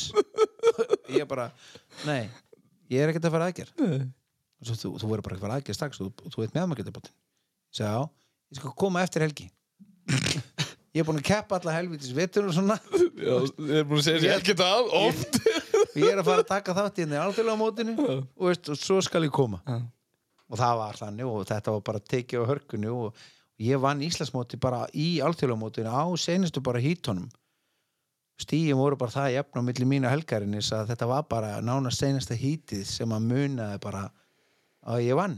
Já, viljin hefur allan að vera fyrir hendi það var alveg svo leiðis það var, var engin meinbuðu þar sko. Og ekki, ekki í fyrsta skipti sem að það var svona kappi kermand aldrei áfram sko. já, nákvæmlega. Það er býð svona gott myndband að mér er með 97 Uh, nei 90 og- nei það er 2000 þegar ég fekk snjúslegin í baki Já, það er skemmtileg klipp á því ég með þetta á YouTube þegar Já. ég fekk Já, ég sé þetta sko. já, ég líka sé þetta. Þá, þú, hvað, þá ryggbrotnar það ekki? Nei ég brýt uh, í raun nokkur ribbein bara. Já, ok. Já, það var ekki verið að Það. Var ekkert Nei, verra nei, nei. það var ég var ótrúlega heppin náttúrulega. Ég fekk spons frá það var ég búin að fara til Bandaríkana og fekk spons hjá TechWest Steve sem var hérna á TechWest og hann bara er þú veit ekki með Brynju, ég ætla að sponsaði um Brynju. Bara- gaf mér einu svona TechWest Brynju. Prófaði þessa já. Já, svo náttúrulega bara kem ég heim og ég er með, með Brynjuna og svo keppi ég á mývatni og, og hérna svo bara drefst á sleðanum einum úpsanum og, og ég, minn liggur bara flatur þá kemur steppi Bjarnar liðsverja og bara úst, greiði sér bara ekki hvar ég er sko, stekkur og hann lendi bara með stuðaran í mjóbakinn á mér já Ég er búin að sjá svo klippu oft En þú hefði dáið að þú hefði ekki verið í þessu vesti sko. alveg pottit í Þetta er besta falli, besta ógeðslega falli ljót. lamaði sko. Já, þetta er ógislega ljót klippa sko. Já, ég bókna líka bara aftur Já, bak þú gera hann klassið á sko. stýrið og yfir frammendan á honum einhvern veginn Ég mani bara eftir þessu vídeo að að þetta var sko í Believe It or Not og eitthvað svona, þetta var alveg big thing í, í gangi á já. þessum tíma sko. Þetta var bara emri Dóri Dóri félaga minn hérna tísku kongur hérna Já, hann fór bara upp í bílinn og, og kerði heim. Hann sá þetta og hann bara hann, er, hann er döður er hann er döður hann var bara engin vaðan hann fór bara kerði heim bara í sjokki og, og hérna veist, ég eina sem ég man bara eftir að úst, dóa sleðanum og ég bara ég verði að kipa í gangi ég, úst, ég er að missa einhverju sætum og þetta ekki huga að lítið tilbaka sko. Svo heyr ég bara veist, eitthvað hljóð og svo bara kemur þetta bara brjálaðu verkur og, og allt einhvern veginn svart. Og svo bara finn ég þá þegar ég sko ég fer með einhvern veginn bakið í hútti á honum og svo dregur hann mig yfir húttið á mínuslega og, og, og keiri mig framfyrirsleðan og ég ligg semst onni svona 10-15 cm djúpu svona bara jöklabráð á mjövatni já, face down undir sko húttinu eða undir belgnum á sleðanum. Og veist, ég er að kafi í vatni. Og, og, og ég bara fann ok, ég er að fucking drukna og ég la fastur undir sleðanum og gæti ekki hreift fyrsta sem ég tjekka bara, geti hreift á með fætunar lengi Já, getur ég vond get það. vestnót og svo þurfti ég að snúa haustum svona undir sleðanum til þess að reyna að ná lofti sko, til að komast upp úr vatninu og náði einhverju yfirborðið og svo bara náði anda og bara ok, fuck þetta gengur svo bara að byrja að finna þegar fólk var að koma og reyna að reyfa sleðanum og reyna að rúla honum að mér. Mm. og hugsa maður, ok, herru, þetta, þetta verður ábyggil allt í lagi. Og svo hérna næsta manni eftir að greipa einhverju hendunar á mér drómi sem stundar sleðanum á höndunum, ég bara, ok, ég var ekki lamað þá, þá getur pottit verið núna, sko. Það var ekki gert það svona er einu sem ég man eftir. Svo er ég einhvern veginn bara svona rifin og fætur bara staðin upp og ég man bara veist, ég bara, wow, ok stegi fætunar og svo veifa ég bara svona aðeins yfir hópinu og svo bara nei, ég bara niður. Gjöður þá eru bara blári framann engi súrinsmettu þá var eitthvað hérna fóru einhver þrjú rif henni í bakkinu og, og eitt af þeim var eitthvað kýtlaði lungað á mér og, og hérna það lendis gæti ekki ná neitt súrinsmettin bara blánaði framann og bara leiði um sko. mm. svo var ég sóttur hérna með sukrabíl og, og, og kerður upp á spítala og þeir fóru að rekna ok, þetta er nú búin svona mikið högg og þetta er nú ábyggilega sko 600-700 kíló högg sem er komið í bakjaður og við ætlum bara að hafa þið hérna þetta var svona löði, við ætlum að hafa þið hérna ángur til að kemur ljós hvað er innvartisblæðingi kemur fram. Og bara ok, ekkert mál. Svo bara leið og beigð þá kom ekki innvartisblæðing fram eða neitt en ég þurfti þrjá millilitra morfín á klukkustunda fresti sko svo ég geti andað saman og bara, þú veist það var bara til þess að að- Shit, verkast illa já, bara Já. að kera það aðeins niður því að það er súrin sem þetta hund alltaf sko þegar morfín er hann af. Já, en hérna, ég fann aldrei svo sem fyrir því sko. En hérna en svo bara svo, svo á föstudeginum þá segir við hérna ætlum bara leifa að fara núna. Bara, það er engin hérna blæðingi í gangi og, og þú mátt bara að fara. Ég er bara frábært. Og fyrst sem gerir þegar ég kem heim á föstudegin ég ringi sérst í hérna hann hérna uh, sjúkraþjálfarinn minn í, í, hérna, í sunnulíð og ég sagði, getur hitt mig á morgun klukkan 7 fyrirmáli. Og hann bara, já, já, það er ekkert mál. Ok, flott. Svo mæti ég til hans klukkan 7 morgun eftir. Ok. Og hann bara, já, hvað get ég gert fyrir það? Ég fekk snjóslega baki og ég er með brotin hérna þrjúrupin hérna í mjóbækinu getur teipað mig svona þannig ég geti setið með hendurna fram eins og snjóslega og hann bara af hverju? að því ég er að keppa klukkan tíu í ólasýri og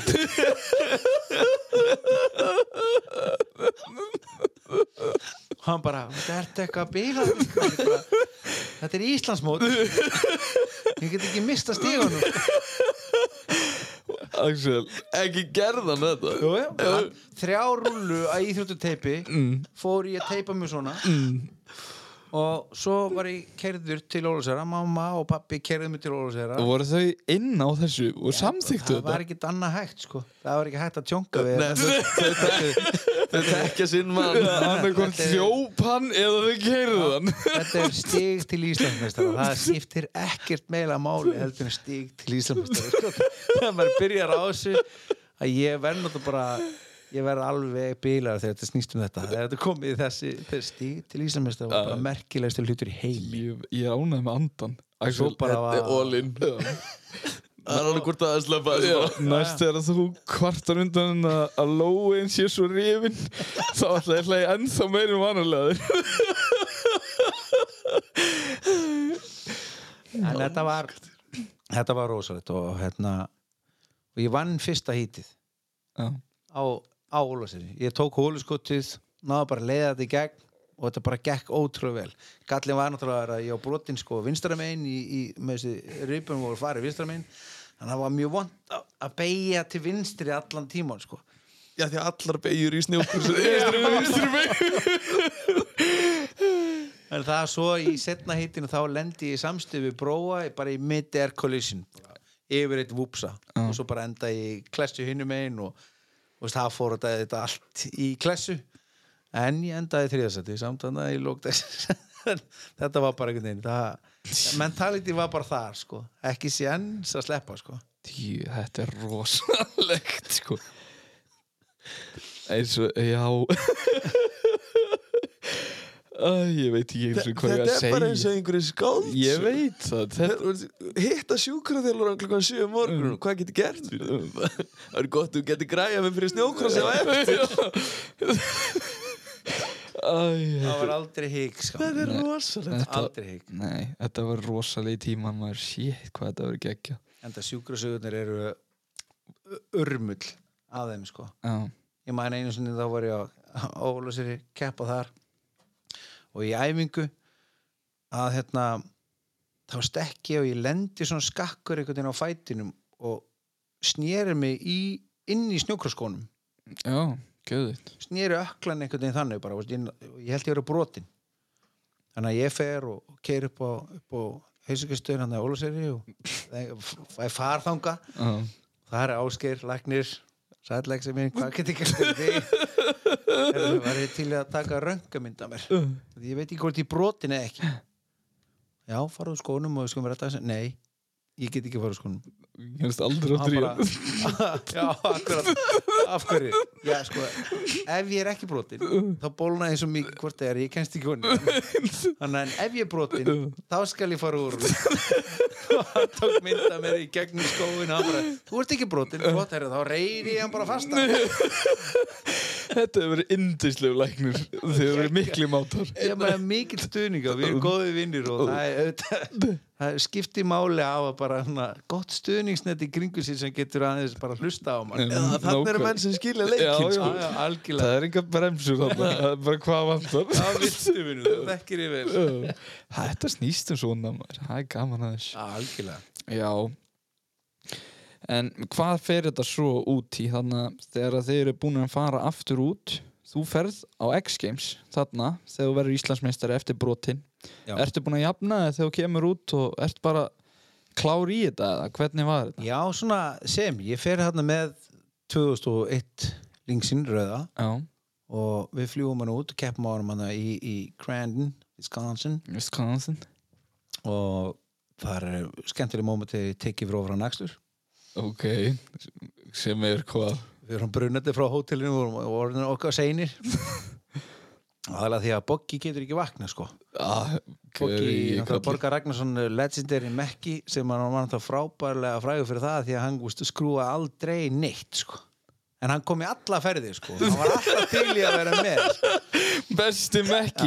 Þú veist þetta er eins og með vélstjónu sko því minna sem hann er að gera því um betri vélstjóri er hann það er bara búið að græja allt fyrir sko. Hann var náttúrulega sko þeir elskuðu hann allir hjá staffinu sko Mm. hann var alltaf rifin í brjálu partí sko og eitt skipti sko þá hótaði hann að lemja mig því ég var að vekjana því við vorum að fara að keppa. Og ég skildi hann eftir heima. Og voru tveir einir og ég skildi hann eftir á fokkin hótelinu sko. Og það var bara það var brjálað en þarna fyrir við með slegan og fyrir með bruna hann í, í, í keppnina og þá kemur einhver löka og, og bestar okkur. Og hérna kemur einn þykku kanni og bara eru út og ofra nægstur út hérna þessum mörgum mílum og, og, og þetta er svona, komið með hérna tryggingun og skiptinni, bara pakkan.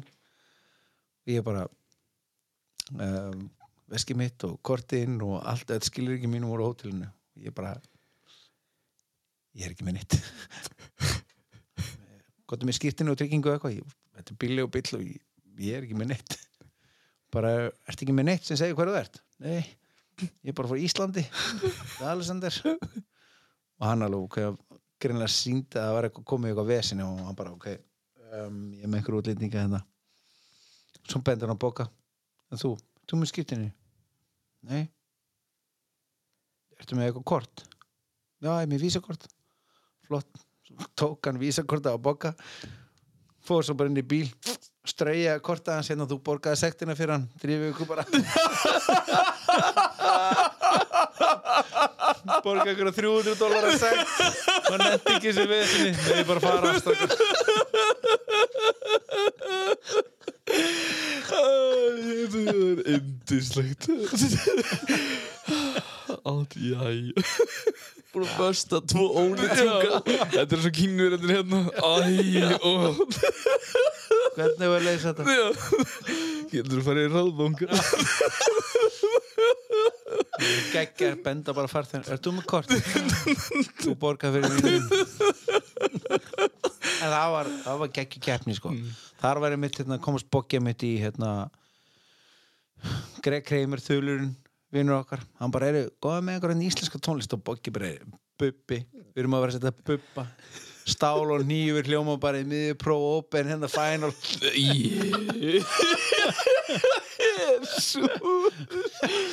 það skipti engum máli. Við, þetta var svo ógeðslega mikið sirkus og halvar nú. Þeim fannst þetta bara fyndið. Algjörlega. Svo fórum við með hérna, sleðan yfir í Vermont. Og þar vorum við að keppa hana á X Games. Já. Og þetta var alveg geggjaði sirkus náttúrulega. Og þar var bara sama. Og það voru þarna 28 eða 30 bestu gaurunir í heiminum að keppa og og maður bara svona úst, reysaði með þess að maður gat. Maður var ekkert á því leveli en maður náði samt að vera bara í partíinu sko. Já, úst, að vera þarna þegar að hérna, til dæmis eins og, og, og árið eftir þegar ég fer á, á X Games þannig 2002 ég náði semst að tróða mér inn á aftur og var árið eftir.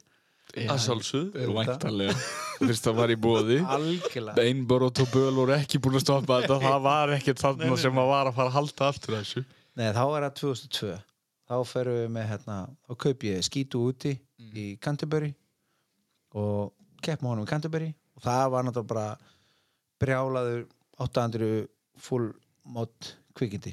Muggu Mattiasar og, og, og fleiri komum með okkur út og við vorum að, og Gauti Möller og Boggi auðvitað og hann var bara rifin í spað og, og við skrúum hann bara saman. Við tókum hann bara í tvennu lægi úr hjá skítu faktoríun og settum hann saman og við kettum hann og svo bara Canterbury. Og það var náttúrulega legendary tími svona í mínum hausa því að, í þessu híti þá sé ég í baki og Tony Hækonen já, og ég tek fram úr kvikindinu í þessu híti. Og þetta bara svona, mér er alveg saman hvað ég enda ég man ekki hvernig það var, ég man bara eftir að séðan tekið fram úr honum og mér fannst ég bara fucking legendary Já. að taka fram úr konginu þá. Já. Þú veist, auðvitað kom fram úr hann aftur og stakk mig á en það skipti yngum máli. En bara þetta moment, veist, það bara skipti mig einhvern veginn, ógeðslega miklu máli. Svo fórum við með þennan sleða og tókum hann og, og fórum með hann til, nei, Warnet Brothers tóku sleðan og ferja hann fyrir mig yfir í hérna, yfir í Aspen Colorado, þar var hérna snjókrasmóti, bara vinter hérna X Games. Já Winter X. Og þá var þetta orðið alvöru vesen sko, þá voru bara manni leið bara eins og celebrity veist, við vorum einhverju VIP tjaldi og þetta var allt alveg, þetta var rjóminn sko, snjúbrata gengi var bara, sko, hvað er þið að gera þetta, veist, leðum þetta, veist, bara allt eitthvað náttúrulegt og æðislegt sko.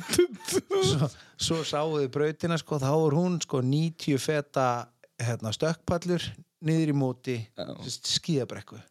Ústu, geggja. Þú þurfti bara að halda í botni og lansa upp á við og reyna að ná 90 feta gap jump ég hef aldrei stokkið 90 fet sko. ekki gapalli heldur.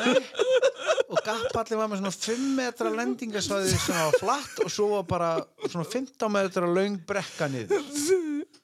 Og ég horfa á þetta og bara það er ekki, þetta er ekki hægt það er enginn að fara að stökkva þetta og svo, svo sé ég bara Chris Vincent og þessi gutta kom bara og þeir bara ná einhvern veginn að fljúa þetta. En þá voru sko af þessum einhver 30 sem fóru og keftu eða komist inn í X Games þessa Já, þeir bara, ég heldur að fjóri eða fimm segðu bara, við erum farnir. Já, það er svolítið, bara þess að pallin já, við erum ekki að fara að keppa þessu, þetta er bara og ég var náttúrulega komið og við vorum að skabli og við vorum að reyna að jetta niður og við erum með 9000 feta hæð. Já hann er nú ekki verið rosa 3000 metra hæð. Þú veist, ég dónast í því þegar ég labbaði inn á hóteli mitt. Þú veist, ég held á tösku og ég misti andan og ég held ég var að Þú það var bara því ég hef aldrei fengið svona lítið magna súrin þólið er ekki sérst að tala Nei, og ég sem að hvernig er í ósköpunum þetta að keira snjóslega í þokkabót? Í þessu þetta var alveg gali sko. Svo bara er ég að horfa á þess að þennan pall og ég bara þú veist, restinu brautinu var ekkert mál. En þetta var bara málið. Og ég bara sagði við Chris Vincent þegar hérna, ég ætla bara að teika þig. Ég ætla bara að elda þig og fara hring með þér í veist, þannig ég geti bara náð þessu tempói. Það er ekkert mál, við erum hérna saman brautina og svo er ég komin upp í, í, upp í efstu beiguna sem er eiginlega bara í skíðabrautinu og svo kemur svona 10-15 metra gap jump niður og svo þurftur bara að röra og halda í dauða botni til þess að ná þessum balli og ég bara eldi hann og ég bara ok, ég er í botni og svo bara hann aðeins slæja af bara hann rétt á þetta lítur hann nú. Ég var bara í dauða botni.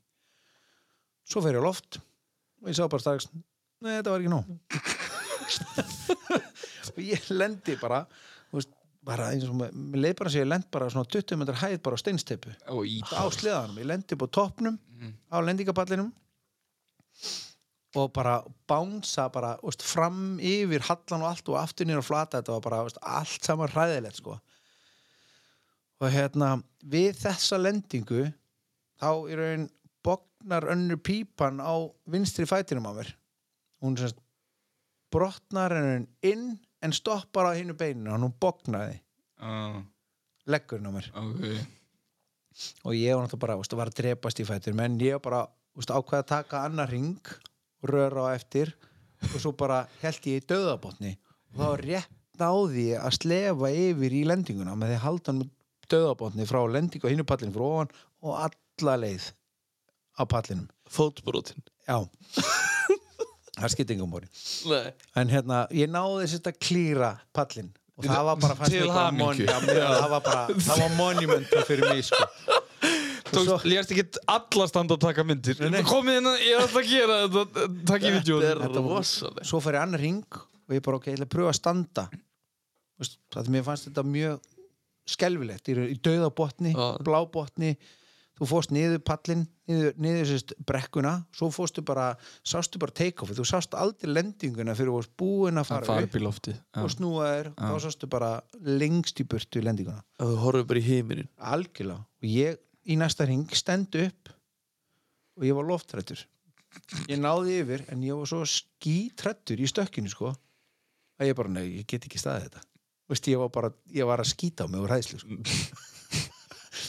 var, var þægilega að fela sig bara undir stýrinu og það var bara byglu betra að setjast sko. ég var bara vanur í þetta var bara, og þetta var alveg stór kostlega ræðilegt sko. Ég trú er mjög vel. Þetta er þetta er svona pínu dæmi sko. If you're gonna be dumb, you better be tough sko. Ekki eins og hini fimm sem voru bara Nei, eigin ég bara, já, heyrðu, þetta er flott allir í törskunnar og við erum haldnir við erum varnir þetta var alveg kostlega, þá var Dói með mér úti Þóri Gunnarsson og hann náttúrulega er svakalegu skrúari. Og það var svo gaman að því að þeir komu hérna það voru allir í brjáluðu vesinni með að reyna að stilla sleðina þannig að það myndi virka eitthvað. Já. virku ábyggla 800 mót, virka bara svona eins og vel tjúnaði 440 sliði. Ok, það var ekki neitt að frétta sko. og hérna, svo manni eftir þeir komu hérna, einna yfir skrúnum hjá skítu bara komið til Dóa bara, hva, hvað eru þau að gera? Hvað, hérna, með hverju mælið þú? Veist, og, og allir reyna að sakka upplýsingar. Og geng og Dóa, við vorum, semst allir vorum með semitrailara, við vorum út í skabli fyrir aftan eitt semitrailara Að tjúna að tjúna og þá Dói náttúrulega alveg kostulegu skrúari eins og þeir allir sem að var náttúrulega bara ógeðslega heppin að hafa veist, allt þetta eða lið í kringum mig sko. Þegar sirkus sem var stór þá var náttúrulega að vera með Dóa. Og ég var með Gauta Möller. Já, og hérna Boggi var hana í kring alltaf hann var geggjaður. Sveppurkan já, myndatökum og, og áfengisnislu geggjaður Geggjaður. Geggjaður. Svo varum við Mátti ekki missa. konu með hérna konu með kassabíl og með liftu og við vorum að sponsera dúi hérna heima og veistu, við vorum að grilla pilsur og gefa og við með tona og abba og veistu, þetta voru þess að sáum að keira trökkin og Mm. Það var bara eitt sem kom bara og þegar ég var búin að keppa þá kom abbi, nei tóni og tók að mig gleru og kom með ný gleru og veistu, við komnir í feeling. já, Já, já, þeir við komum heim og auðvitað með plaggöt búin að fara út og skoða hvernig þetta er gert Já. og bara, þetta var leiðin Algjörlega, og fórum að gera plaggöt og svo fór ég að prenta plaggöt fyrir hérna, strákana í kringum okkur líka og hérna, hérna víðir og fleira og fó, fó, fórum bara að gera plaggötin fyrir fullt af aðilum að því að þegar þú ert einn með plaggöt þá ertu náttúrulega bara asni mm. og montras en þegar allir eru komin með plaggöt á þetta Það þetta komið upp þá á er allt þetta annan standard. Það er þá fór þetta bara einhvern veginn þú veist, allt einhvern veginn í, í, í gang. Og krakkarnir komu og allir og við vorum að skrifa undir plaggöt fyrir fullt af guttum og hérna, keppninar á Dalvík voru líka náttúrulega geggjar. Þá var bara þúsund manns að mæta á keppninu og standardu voru orðinu ógeðslega hár. Já. Ykkur fannst bara fári over 400 á það bara engin mæting. En hva, hva, hverju ráðlaði hann hann að mekkanum hann að þegar hann var búin að vera skaflilum að tjúna og skítuðu hverju kom? Fyrir þetta, við menn voru komni bara í aksnalega tölur í jettum sko. já, og þetta var rugg já. það veist, það kunni engin neitt á, þarna nei. nei, ég skildi Þú veist, þetta er allt bara náttúrulega blöndungstökkur skilur Já. og að, að reyna að finna hver, einhverja blöndu á þetta í raun. Já, og það var auðvitað bara George Gerrard yfir skrúurinn hjá Blair Morgan sem að var með þetta pinnað og, Já. og, og hérna og Tucker, Já, Hibbert. Ga- gamli. gamli Kirk Hibbert hann var með þetta þeir voru tveir með þetta, það voru bara kettirnir og, og, og skýtti var þarna náttúrulega geggjaður. Og hann náttúrulega svo mikill vísindamaður hann hérna hann hérna skrúarinn um, sem var með skítu og var með Blair Morgan. Að hérna, veist, það var fáralegt að sjá hvernig hann var að vinna. Já. hann fór út og hann var með mælir fyrir loftrýsting já, og hann var með hitamælir og rakamælir. Já, svo tók hann þess að þrjá breytur og hann reiknaði úr þessu eina breytu. Og þegar hann kom með það þá var hann komið með hvað jetin ætti að vera nákvæmlega. Og hann vann þetta bara vísindalega. Mm. og það var förðulegt að fylgjast með þessu. Já, ég trúi því sko. Gunni talaði um þetta um það við mig einhvern tíðan þeir tóku bara upp einhverja svona tösku af einhverju drasli bara einhver lítil loftnönd og eitthvað rusli fyrir loftið eitthvað og svo frenda þetta einhvern miða og svo fóru við bara allir að lesa einhverja miða. Og þeir voru bara hvað meina Þannig eru menn ekkert að tjúna eftir tilfinningu Nei. Þannig eru menn bara að tjúna eftir tölu Það er ekkert verið að nota rassadænóði sko. Nei, það er bara Já, hann var með vísindir alveg á hreinu. Og við sko og þegar við komum hingað þarna þessum exkins þá kaupi ég semst, Air Density 12 já, ok. Og þessi Air Density 12 í raun var bara digital mælir sem að mælir bara allt þrýstingin og allt saman og kemur með svona ákveðna tölu Air Density tölu. Og hún var kannski 1000 og þegar við vorum búin að finna út það við vorum að keira á jetanum þegar hann kemur hinga um, til Íslands uh, skrúarinn hjá Blair Morgan. Og hérna þá erum við með tölvuna á hreinu. Þá erum við búin að finna út semst, skala á þessi air density hvað það er í jetum 800 mótin ef maður var á 190 jetta hér og skínandi queen kerti þá var bara veist, græn kvikk ógeðslega kvikk, það þýtti líka ef air density fór upp í 1300 mm. veist, þá þurftum við að fara upp um tvö Já, þannig að við vorum búin, búin að búið til leiðavísir um jettana en skilji. með að við air density. Já, þetta var á skítu moddinum 2003 já, og þá sko eftir þetta þá, við töpum ekki einu híti. Eftir að fóruð að gera þetta? Tapaði ekki einu híti einu starti og va, veist, græja var bara yfirburða græja á skaplinu Já. Og það var, Var bara það 800 sliðin, já? Já, Já. það var refurinn fyrsti, fyrsti Já, refurinn. Mountain Dew mótin Já, já Það seg, var- segðu okkur aðeins frá því. Hann hlýtur að hafa verið svolítið græja. Því að það er annað tæki sem var svona mikið umtala á sínum tíma fyrir að hafa verið alveg vel hress. Hann var útulega Já, en sko og hérna þegar hann er nýr þá er hann fáingað og, og hann kemur hérna og fer að skrúa í sleðan og við bara fáum hann til að taka hann í gegn. Og hann portar hann og hann gerir sín skemmtilegu triks á þessu en samt svona í grunnbasis þá er þetta bara factory mod já, motor. Ekkert eitthvað Fancy. ekkert, nei, ekkert búið að gera eitthvað mikið meira. Nei, eina sem hann gerði bara svona snurfur svona aðeins og portaði. Ok. Eina hitt var bara blöndungarnir og jetarnir Já, og vélinn skilaði bara úst, blandan lofti og bensín hún var bara 100% rétt inn á hún og responsi var bara auðvitað þá eftir því. Já, já, og þá var þetta auðvitað bara græjan sem ég pröfaði hjá Chris Vincent hérna fyrir sko, fimm árum áður. Já, þarna var moddi sem að þeir voru með í höndunum úti. Já, þannig að það kom hinga Já, Já, að því hér höfum við náttúrulega bara verið, verið alltaf að testa eitthvað og fengi kúplinskít og fengi hérna veist, pípusett Tune pípusett þá áttu bara að setja þennan jet í og gera þetta og þá áttu bara að virka og svo bara virkar þetta ekki jack shit sko. það er bara þegar og við hefum keft eins og hjá honum hann kom hérna með kitti snjóslega kitti bara, bara kúplinskitt í sleða og þetta bara fitta perfectly 800 skítu já. bara virka fyrir alltaf fyrir 0 til 3002 út í bandaríkunum og bara allir sleðan voru bara geggjaðir. Svo kemur hann að setja í fyrsta sleðan og sleðan er bara það var ekkert að frétta. Nei, það var nákvæmlega sama uppskrift. Það var bara því að loftinstingun hérna rakast í hérna allt þetta dót spila bara inn í að þetta virkaði ekki. Nei, og hann bara að, ég veit ekki hvað ég segja. Nei og þetta er bara allt í drasli hérna. Og hann þurfti bara að fara að reinventa aftur allt og reyna að finna bara hvað var sem var að fokka í þessu. Það skilji Sleðan skilur bara engu afli hérna niður með hvað það gerði úti. Nei, og hann að þetta var allt aðra breyti sem að menn voru að vinna eftir sko. losþristingurinn hérna hefur verið eitthvað allt öðru sér heldur en verið þar. Já, bara aðstæðinni er ekki sambarlega það er lehendi sko úst, þessina voru kittin, þessi tjúnkitti og píputnar og allt þetta sem fekka utan Já, bara ekki heilu að virka. organ. Nei, Nei, það var bara ekki að virka við þurftum alltaf einhvern veginn að finna bara upp á hjóluna aftur sko. já, þetta er ennþá svona bara Það er bara svo leið sko í veist, þessi, eða þú veist bara meira sem þú sér þetta bara eins og stokksleðana alltaf nokkandi og láta eins og hálfvitar og eitthvað svona dót skiluru Já. þetta er bara að þú veist hérna eru að, aðrar aðstæður og annað bensín og þetta er öðruvísi skilur Já, við náttúrulega með ruslbensín já, já, Það er ekki að hjálpa þessari breyndu sko. það er Nei, alveg nei. svoleiðis en það er náttúrulega allt best í racing fuel það á náttúrulega bara að vera skilda að segja alltaf racing fuel það á náttúrulega bara að vera racing fuel og dælu hérna. já, Mannréttindi Já. já, algjörlega. þetta er eiginlega brotaðum að þetta sé ekki hann besta lykt í heimi sko. já, já, það er bara þannig en er hann já, þú keppir eitt sísón á honum tapar ekki einu starti og engu híti Nei, það er rosalegt. Þetta var alveg rugl sko. er þetta síðasti veturinn sem þú ert svona eða? Já, svo fer ég en sko ára eftir þá fer ég á Articat. Já.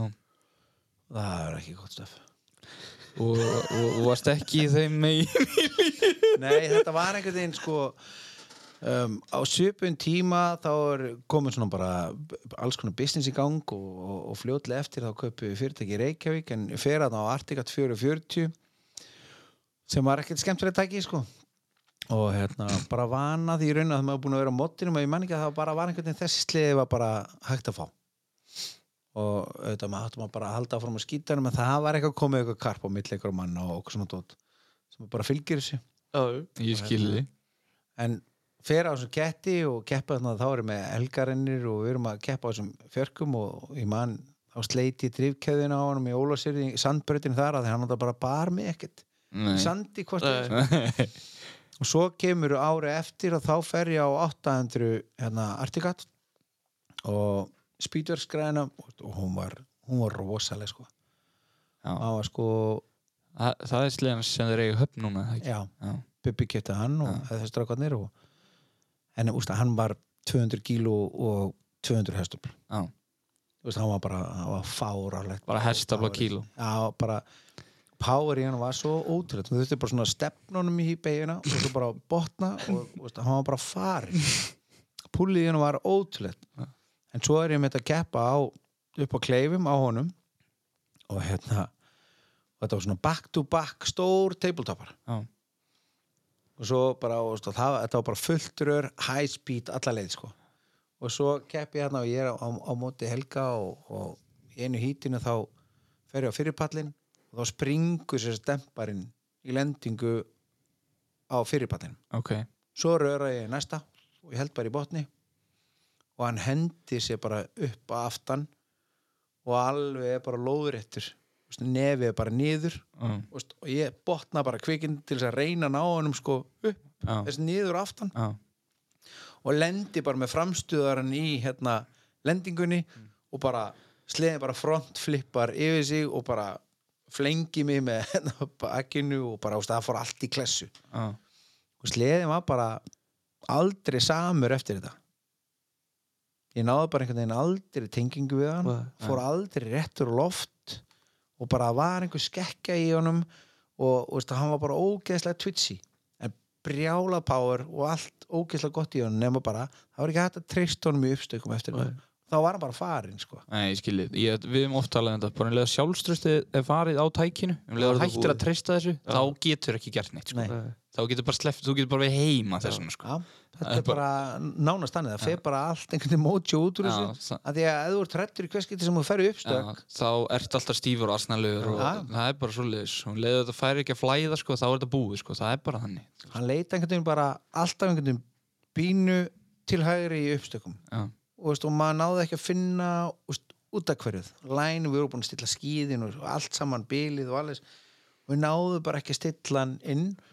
Nei. þá er þetta bara off, algjörlega Það var þetta bara hættulegt sko Já. og svo fljótlega eftir það þá bara hérna, kaupum við fyrirtæki fyrir sunnan og, og ég nánast bara flytt suðu bara hérna í kjölfara eftir það sko Já.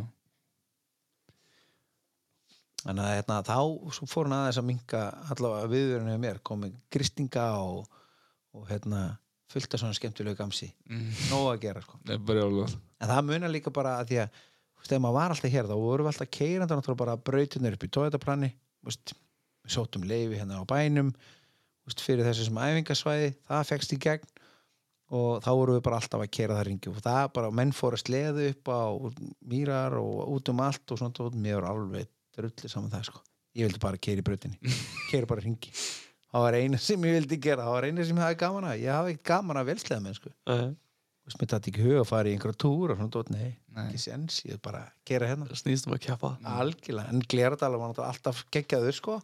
Þú fórst ekki í vortúruna og, jumbo dalnum ég veist, ég fór nú oft inn á dalinn bara að sprengja hengjur Já, og, þetta, og, og hérna, þú veist, það var alltaf auðvitað þar og upp í hlíðafellinu en ef það var færi og þegar sérstaklega maður byrja að keppa þá snýðist þetta bara um að keppa. Já, æfa sig og hafa gaman. Ég meni, ég man eftir bara snemma 95-6 eitthvað þá þú veist, var ég pappa til að taka upp vídeo á mér. Þú veist, af snjókursinu Já. ég sagði, ég vil ekkert fá vídeo á keppninni. Ég vil bara taki vídeo bara að mér. Já, bara að geti vita hvort að gera vittlust og svoleiðis. Það var 98-99 og hann tók bara að mynda mér eina keppni og ég var bara að fylgjast með hvað ég var að gera hvaða línur ég var að fara mm. og, og hérna hvernig ég ætti að kera þessa línu og þessa línu og okkur tók þessi fram úr mér og, og, og ég var bara stútir að þetta. Já, mjög framúrstefnulegt samt skilur út Já. það, það er gert svona í dag sko. Já, þú læri mest á þessu. Já, Já, ég meina, fyrir mér ég hef alltaf talað um það að ég, enga veginn verið best íþróttamæðurinn í þessu. Veist, ekkert alltaf hafa best á þóli í þessu en það sem ég hafði kannski framalega var að ég, veist, ég las alla brautir. Á æfingum þá las ég alla brautina. Já. ég sá bara hvað tengir best þessa beigju hérna við þessa beigju hvaða lína er best út af þessa beigju og ég man eftir sko, ég var að keira og ég man alveg eftir eða mér fannst vera fylgst með mér. Þannig að þegar ég var að taka æfingarhingina þá sett ég í raun aldrei saman hinn fullkomna keppnising nei, þú pró prófaði bara og ég pröfa bara outside, inside, inside, outside Já. miðlunni hérna. Og svo fann ég okkur okay, þessi lína hendar þessari beigju best. Já, svo tók ég sama í næstu og næstu. Og svo kannski einu sinni áður en æfingi á búin þá setti ég saman einu sinni hennar ring og ég gerði þetta meðvita sko, ég leitaði öllum beigjan og svona svo tók ég einu sinni ring bara hann að ég var ekkert að sína hennum innlínu nei, og svo í keppninni ef ég var fyrstur þá kerði ég bara auðlalínuna sem, sem var alltaf mest Já. kerði hana alltaf. Ef kom einhver sótti þá gæti ég bara svissað. nýtt einhver línu og auki bíli og ef ég var eftir þá gæti ég best nýtt náttúrulega línuna sem voru til þá var ég alltaf með plan B og C Mm. þannig að veist, hafa, þetta hefur alltaf einhvern veginn fyllt mér þetta er bara Mjög akstuð- flott strategía sko. já, Já, því að hún sko hafa svona strategi veitir mann líka svo ógeðslega mikið öryggi því þú getur þá bröðist við hverju sem er já, ég skilji, þú ert ekki bara búinn ef einhver hefur fram úr það er úst, 90% einhvern veginn í keppnum að það fer einhver fram úr þér þá kemur bara þetta tunnel vision og þú ert bara horfir aftan í stöðun og býður þetta að fá guðsuna framan í þú, eh, og það bara einhvern veginn er þannig. Bara. 90% af mönnu fara bara alltaf sama ringin sko. Já. en að hafa hitt planið það bara breytti öllu svona minni sín í raun á keppninni. Og það er ógæslega gott að hafa eitthvað svona haldreipi til þess að grípa til. Já, þetta er enda stórmerkilegt sko. Já, það er bara er það sko en það, úst, þetta er að sama og ég ger í, í rallycrossinu og öllu sem ég er búin að keppni ég svo var, far einmitt, sko. ég var einmitt að vera að segja þú veist, nú ertu byrjaður í því og, og notar svolítið svona gamla visku sem þú hefur grætt þarna á þessum tímum í allt sem þú gerir í dag í þessu Ab absolutt sko það er líka eitt til dæmis að hérna, úst, þegar einhver kemur og er með pressu að þá er ógæslega gott að vita vegna þess að sko flesti blásast út undir pressunni. Með kunningi að höndla og úst, maður fara að gera mistök að því að menn vita að einhver er að keira hratt og ég er hraðar en maður sjálfur og maður verður einhvern veginn að bregðast við því. Úst, það sem ég lærði líka er að úst, ég get stjórna þessum manni sem er fyrir aftan mig sem er að gera pressuna. Úst, ég fór oft kannski inn í beigina það var einn að keira og oftast var það Helgi sem var náttúrulega bara veist, í reysi við mig. Og hérna þegar hann var komin kannski í raskata á mér niður í beðina veist, og þá kannski bara tvíbremsaði ég bremsaði og svo rétt á henni gaf í þá bremsaði ég aftur bara þetta second break eðilaði rithman veist, hjá honum að því að hann kemur inn bremsar og veit hvað er bremsar og ætlar að gefa í mm. þegar kemur ljósi aftur og ég bremsa að þá bremsa hann Og bremsar hann aftur ég skilji hann er kannski komin í gýrin í röra Já. og menn missa aðeins balla sinn Já. þetta er bara splitt sekunda Nei, ég skilji og taktur ég- er farin já, og ég kom í í. Já. Já. Og þannig að að geta stýrt einhverju sem er fyrir aftæði er ógeðslega gott að því að þú bara veist að þú hefur power þegar þú ert að stýra innlínunni og þau notar það rétt þá bara veitir að það er smá ákveð, ákveðu öryggi. Það er fullt af alls konar reysi taktis Ég veit það sko þegar, Leynitryggs. þegar að við tölum eins og í Bjarka og þessar strákar sem eru mjög góðir í þessu sko það er alveg fyndi sko. Mm, maður horfir á þetta bara, já, það er bara keiri ringi og þessi er að fara að hraðast skilur. Þetta er ekki alveg þannig sko. Nei. Nei, það, maður, maður endur alltaf með því að bara lesa alla sína sem maður er að keppa móti. Já, og hérna, og lærir inn á þessa gauðra maður gæti alltaf séð bara með bróa og stessa og maður gæti alltaf spila inn á og maður kynntir aðeins bróa skilur rörun og lengi þá heldur hann í viðbót og þá er hann búin að oversjúta næstu byrju þetta var alltaf einhvern veginn þannig maður gæti alltaf daldið spila inn á það sko. heldur bara nógu lengi þá heldur hann aðeins lengur og þá er hann farin út í Já, byrju ég skilji en og helg, en ég átti til dæmis kepplinda sem ég og helgirinn áttu voru bara veist, ótrúlega flottar. Veist, við vorum bara head to head við vorum að berjast um titlana bara svona á viksl og veist, það var alltaf allt í tip-top hjá okkur á mill okkar.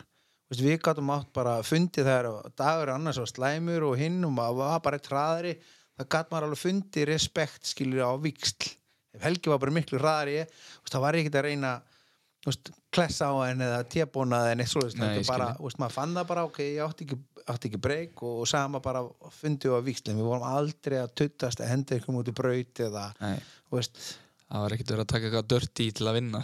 Nei, bara að, þurfti einhvern veginn ekki. Við vorum bara á einhvern veginn þannig level og fárulega skemmtilegt að keppa við Já, hans, ég trúi því. Þetta hefur snild svona sko. Algjörlega. Þegar svona virðingi gangi líka sko. Þetta snýst svolítið um það sko. Æ, það, það gerir þetta líka bara svo skemmtilegt sko. Já. En þarna á þessum tíma þú veist, þegar þú- í kringu svona 2005 og þegar þú vorst að fara suður og eitthvað svona dót, en þá byrjar það með svolítið skemmtilegt konsept með sleðaskólan hvernig var það til eftir þetta? Sko, sleðaskólinn er í raun um, svona fóstur uh, hérna uh, mín og hann hérna Dalvíkingurinn hvað er búið að tapa ég hans Óskar. Nei, hann sko, er búin að tapa ég en hérna, Ingvar Óskars um, þetta var svona einhvern veginn plan hjá okkur hugmynd hjá okkur að, að gera þetta hérna í skólanum á Dalvík þetta var 2003 Já fyrsta árið. Já. Ok, þá náttúrulega koma lager að þessum snillingum. Sko Ásgeir, já, Ólafsirði og Addi og, og það var fullt af, af kvolpum sko.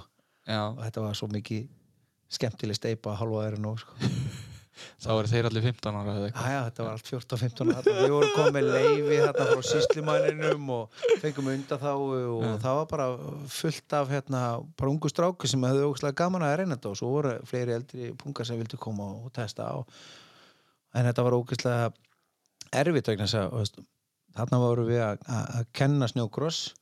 Ég vissi ekkert hvernig ég átti að kenna snjókross. Nei, ég, ég vissi ekkert af hverju ég var að gera sem ég var að gera Veist, ég vissi ekkert af hverju ég droppaði nefinu niður í loftinu og, veist, og af hverju þetta gerðist. Þetta var svona ógeðslega mikið sem ég vissi ekki hvað var í gangi. Nei, þannig að tók mig alveg tíma að læra veist, hvernig á ég að kenna það Já. sem ég er að gera skilji, útskýra þetta einhvern veginn. Algjörlega, en þetta var náttúrulega bara luxus og forréttindi að fá að vera með þessum kvolpum Já, þarna og ár eftir ár við fórum þarna á Dalvík og svo vorum við á Ólasverði og við erum búin að vera í Greinivík og, og stöðum með Stelpuskólan og, og hérna og, og, og með alla þessa kvolpa og alla verðandi meistara. Já nákvæmlega. Kára, Kára Jóns og, og, og hérna Gumma Skúla og, og Adda Tryggva og þetta voru allt bara kolpanir í kring sko. En veistu, allir legends. Rosalega legend búin að renna í gegnum sleðaskóla það leksum er samt svoleiðis án grín sko. Þú veist þetta voru þú fórst í slið, þú veist skref eitt það var að fæða sliðaskólan skref tvö það var að æfa sig og svo máttur vera með skilur þetta var bara þannig þú veist þessi strákar maður, ég man alltaf eftir þessu ég dreymdi alltaf um að fara í þetta og svo er þetta bara búið þegar ég ná í loksins aldrei í þetta sko en þú veist það er bara eins og það er. Það er að, það er að virka þetta aftur sko. En mér, ég, veist, mér finnst það ógeðslega gaman að, að kenna á sleða veist, það er auðvelt fyrir mig að sjá hvað er í gangi og þóttum maður er svo gammal og feitur sko, þá er þetta alltaf að það er miklu auðveldri fyrir mig að, að sína hvað menn er að gera skilju, bara líkanstað og beiting og allt saman og, Já, en þú sér samt eins og, eins og með það úti núna þegar við fórum á Dúlút fyrir tveimur árum eða eitthvað að Blair Morgan er einn aðal spotterinn hjá Skítu í dag skilur gæi sem að hætti að keira fyrir 15-20 árum síðan skilur og er í hjólastól. Þetta er bara hugurinn sem skiptir máli Já, sko. það er svoleið sko. Hann er bara að hann situr upp í turni með talstuð niður í pitt og eitthvað svona dót. Svo er hann bara að taka einhverja glósur og bull eitthvað dót og svo fer hann með þetta niður yfir og Les þeim og- snilli. já, það er í alvegni svoleið sko. Veist, það er tjald sko, það dreigið tjald í kringum hann, Já. bara þannig að þú sért ekki að trubla meðan hann er að horfa á þetta skilur. Þetta er mjög grilla sko veist, það er það sem skiptir máli. Það er alltaf sama hvað er langt síðan að menn voru í þessu eða eitthvað, ef, ef sínin er ennþá til staðar Ef kallin skilur Já, leikina þá, þá er bara þá er alveg hægt að kenna þetta ég man að, sko við vorum eitt í- upp á kleifum, ég og Helgi Já. og, og ústu, við erum að keppa hann á móti hverjum, bara full on race. Og, og við- fórum hann bara til þess að æfa okkur. Og, og ég tek tíman á honum. Og svo fyrir bara aðeins hérna, þú kemur hérna í beina pröfa aðeins að droppa þetta niður og svo bara þarna á lendingu þarna og við fórum aðeins að vinna. Og ég fór bara svona, segja hann um punta eins og maður bara kunni að geta deilt þessu punktum. Og það muna held ég einu og hálfa sekundu til tvær per ring sem náðist bara hraðabreitingun á honum mm. sjálfum á kettinum þarna bara eftir línu, lendingum og stjórnun úst, bara þegar við vorum að reyna að skrúpa skilur uppstökki skilur menn og sátu oft aldrei beinir geta aðeins upp já, úst, sem væri að skrúpa á mótokrosjóli en bara Já. þá varum við að beigja þetta og fá stýri upp í bringuna Já. lækka flugið, já, já. auka hraðan reyna að drepa stökkið Já, en veist, það, það skipti engum mál hvort það var helgi einhver annar veist, ég bara, veist, maður sér þetta og það var úkslega gaman að deila þessu. Já, það er líka það, þú ert svo blindur að sjálfa að það næri ekki nokkri átt Nei, sko. nei. þannig að það er bara maður þannig veit sko. aldrei hvað maður er að gera það maður bara dettur í són Já, maður getur ekki að hugsa neitt og svo einhvern veginn bara vakna maður. Ok, shit, þetta, var, þetta gerist. Já, það er bara svoleið Já, það var þetta búið. Þar kemur pappin og videotökuðil sterkur Já, inn, já, sko. já, Það er leinitrygg sko. geta lært að sínu mistökum og, lesi línur. Ef það er það sem skiptir máli klálega. Já, nota allt sem er til er þóttum maður veit ekki hvað er til sko. Sko. Það var enginn úti sem var að gera skóla veist, í snjósleðum sko, eða keppnum eða neitt, þetta var bara einhvern veginn þú þurfti bara að kunna þetta og svo varstu bara góður í þessu. Annarkost þetta bara að nagla eins og Chris Vincent eða svo kontaktninu og motokorsunni á Bleira Morgan og það bara breytist allt. Já, allir í mótokur á sumrin og eitthvað skilur. En þú komst samt með svolítið skemmtilegt plaggat hérna. Að já, áritað af frá Chris Vincent einmitt. Já, þetta er 2001 mod skítinn sem að hendi mér eiginlega baki Já, fyrsti sem þú prófaðir Já. hérna þetta er þessi hérna Vargatækið. Vargatæki sponsor af Bud Light og Rad FX og Sælir. Energy Release og þetta var sko fyrsta og hann var svo mikill og ótrúlega mikill nagli þessi gaur sko. Já, og, fáið meira svona sama rekin gaur sem ég veit um bara í þessu og hann, hann átók allt á sig skipta engum máli. Já, svo fer hann að mynda að keppa á Yamaha. Mm, og þess að ég man eftir þegar ég fyrir að hitti gaurinn sem voru hérna verkfræðingarnir inn í Yamaha-trillunum já. Þá var hann að búa hann hann í Yamaha sleða og þeir voru að keppa á hann og þeir voru bara hrinni hægri vinstri. Jammannir algjörlega. Ah, og Það var jetski mótorið þeim Axel. Það er bara svona lustrað þeir voru með, þeir voru með brjálaða mótor sko. Já. Þú veist, þeir púlaði svakalega. Nei, Lexi, verður ekki að ljúa þessu. það er þannig eina sem gerist þarna þegar þeir voru þegar Chris Vincent fer yfir í Yamaha þá taka þær hellingapenningum og setja í, í, í, í strákana og, og Yuji Nakazawa og fleira. Já, já. Komið einn Japan inn í þetta.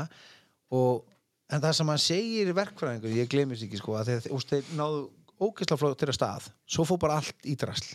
Skilji og hann kemur hérna verkvæðingun hérna, sem er hjá Jama kaninn og hann bara, þetta er helvítist drasli og ég bara, og hvað? Sko, þótt þetta fjæðir í saman í einhverju tölvulíkan í tölvu og þá virkar það bara ekki í alvörunni sko. þá var máli sko að búkin ef hann fór meira heldur en einhver 10, 5, 10 gráða halla þá fjaðrar hann ekki. þá satt hann fastur, Já, geðvikt alveg fastur hann reyðist ekki neitt saman. Og það var bara því að þetta voru búin að horfa þetta svona á skjá Já, í einhverjum öldum og þetta gerðist alltaf ógeðslega flott motion. Skilji svo þegar bara kom upp og þetta var ekki alveg rétt pínu skakkur í loftinu sem að virðist koma fyrir í snjókrossi. Já. Það var bara fraus búkin og hendi þeim af. Og hann var bara þessi meiri helviti sem ongulit það var alveg klofin sko. Þeir voru með glænýja trailer fullt af Já. og þeir voru í álíka miklu búkavandamálum eins og þegar að hérna, Articat kom með cross-link link Start or stuck fremri dempari tengtur í loftþrýstingu og aftari dempar og svo fór þetta alltaf í fokk sko. Indislegt, ég er svona ánað með prúfanina það er svona fíkt aðeins sko. Það Þau er mókuðu peningi í þetta sko. Það- en það var að vanta ekki til búið lúki sko. Nei, Það var bara, en, en þetta virkar ekki tölvu Já, en ertu, þú hefur alltaf verið að því að við erum svo hérna ég og Bersvegna náttúrulega artikatt maður skiluru og A- Axel svona eiginlega líka sko allavega smá. Og ég er pólars megin en þú ert links megin og það er alltaf verið að segja við mig þessi þáttu sér of mikið í pólars deildinni mér langar bara að spyrja þig, af hverju finnst þið linksin svona góður ennþá í dag skiluru Sko, mér, mér einhvern veginn fyndist alltaf links bara standa fyrir daldi annari stefnu, öðrum málum heldur en Restin, hin, heldur en ok. kanandi sko. ok, það var einhvern veginn þannig að, að það byrja bara strax 97 þegar ég fara á linksin þá eru þeir með til dæmis eru, er, er, eru pollarnir og allir kettinir eru allir með syns, þessa vinkilfjöðurinn á framann demparinn fara á inn og belgnum og niður í skíðið. Mhm. Þannig að fjöðurinn hún er alltaf svona lítið vægi í raun en það sem linksin kom með að þeir voru með armana syns, alveg inn undir belg og demparana voru Beina. þar niður. Já, það er sem svipað eins og formúlubíl er og stemparnir eru allir undir húttinu á honum ekki út í örmónum já, og þannig var einhvern veginn afstæðan að fjöðrinu var alltaf, alltaf, alltaf öðruvísi. Og svo er náttúrulega eitt snillíki sem heitir Páli Bibbala já, sem Og hann- PPS búkinu skýrður eftir. Og hann byrjar að fyrsta fjöðrinu í semst, G-típu hvort það byrja í kópurinu 97 en hann er búin að vera heilin á bakvið fjöðrunisystemi já, meiri þess að þegar saminningi verður þegar Bombardier kaupi links þá gera þeir bara sinn pakka um að þeir ætla að sko halda sínu sérengjunum sjálfur sem er fjöðurinakerfi mm. og til dæmis á 2001 linksinum þá fara þær aðeins að hækka tönnelinn og fleira. Þá kemur links með það að gera brotið í skúffuna. 45 gráð brot bara þarna þar sem að sæti í raun mætist. En bara þetta litla brot breytir því að þú getur staðið bara uppbrettur og hnén á bara miklu meira saman. Og þannig að það voru bara svona ótrúlega litli skemmtileg hlutir en sérstaklega var bara afturfjörinin hún var bara alltaf best. Já, PPS búkinu var bara bestur. Já, og þegar að Linksin komur hann til með 2008 þegar Jonni er svona alveg að skjótast upp á toppin með 2008 Linksin var bara eitt besti sliði bara í mínu bókum bara, já, þegar RS-in kemur. Já, já, það var bara var í mörg ár að mínum að en þá alltaf besti sliðina því að það var þetta keiran vel hann fjadraði vel veist, hann fjadraði og hann var mjúkur í beigum hann var mjúkur í beinaköflum hann var samt ótrúlega góður í löngu stökkum og miklum höggum.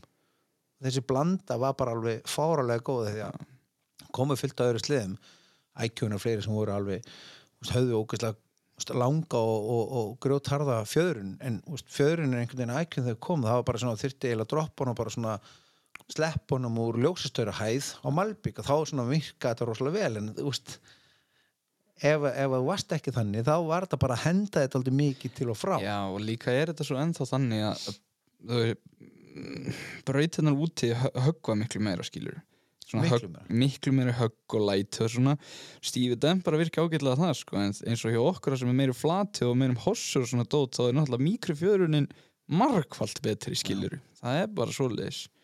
Það hefur verið alltaf einhvern veginn bara loða bara við það, úst, ég bæði fíla þetta í drasl já, og svo var líka auðvitað gaman að vera eiginlega einingurinn á þessu já, svona skera sig úr já, Já. svona sm- smita líka fleiri og Já. mér finnst ógæslega gaman að draga fleiri í þetta og Já, þú smitar alveg helling því að þetta var sko, þetta var alltaf bara svona, þú veist, eins og eiga, þú veist, Ferrari meðan allir hinni voru á, ég veit það ekki, einhverjum ópellum eða eitthvað svoleið skilur, þú veist, þetta var þannig, það var ekki þannig keimur á sig, þetta var í rauninu auðlýst þannig, sko, er eiginlega svona semið þannig ennþá í dag, sko.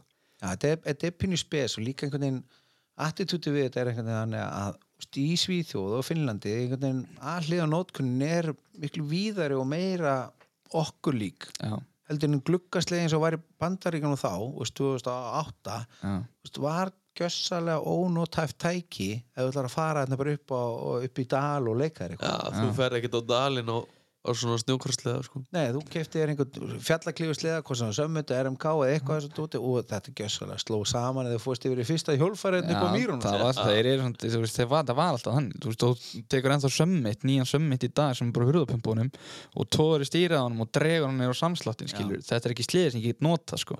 ekki í overround og svo bara einhvern veginn finnst mér að, svo hafði ég bara einhvern veginn aldrei hug á, á ég, úst, mér langaði ekki til sleða, mér langaði náttúrulega alltaf í keppnisleða en mér langaði ekki af þessum nýju fyrir í raun búndokkurinn kemur, linksinn Nei, ég skilji. það er svona kveikt í mér aftur þegar það kemur 2010-11 Já, þá er það svona sleði sem að er með keppnisfjöðurinn en er pínu langu sleði og mér fannst það að vera alveg optimum sleði sko. já. ég kefti hann líka nýjan sko. Já, Svalur. algjörlega Herru, við aðeins,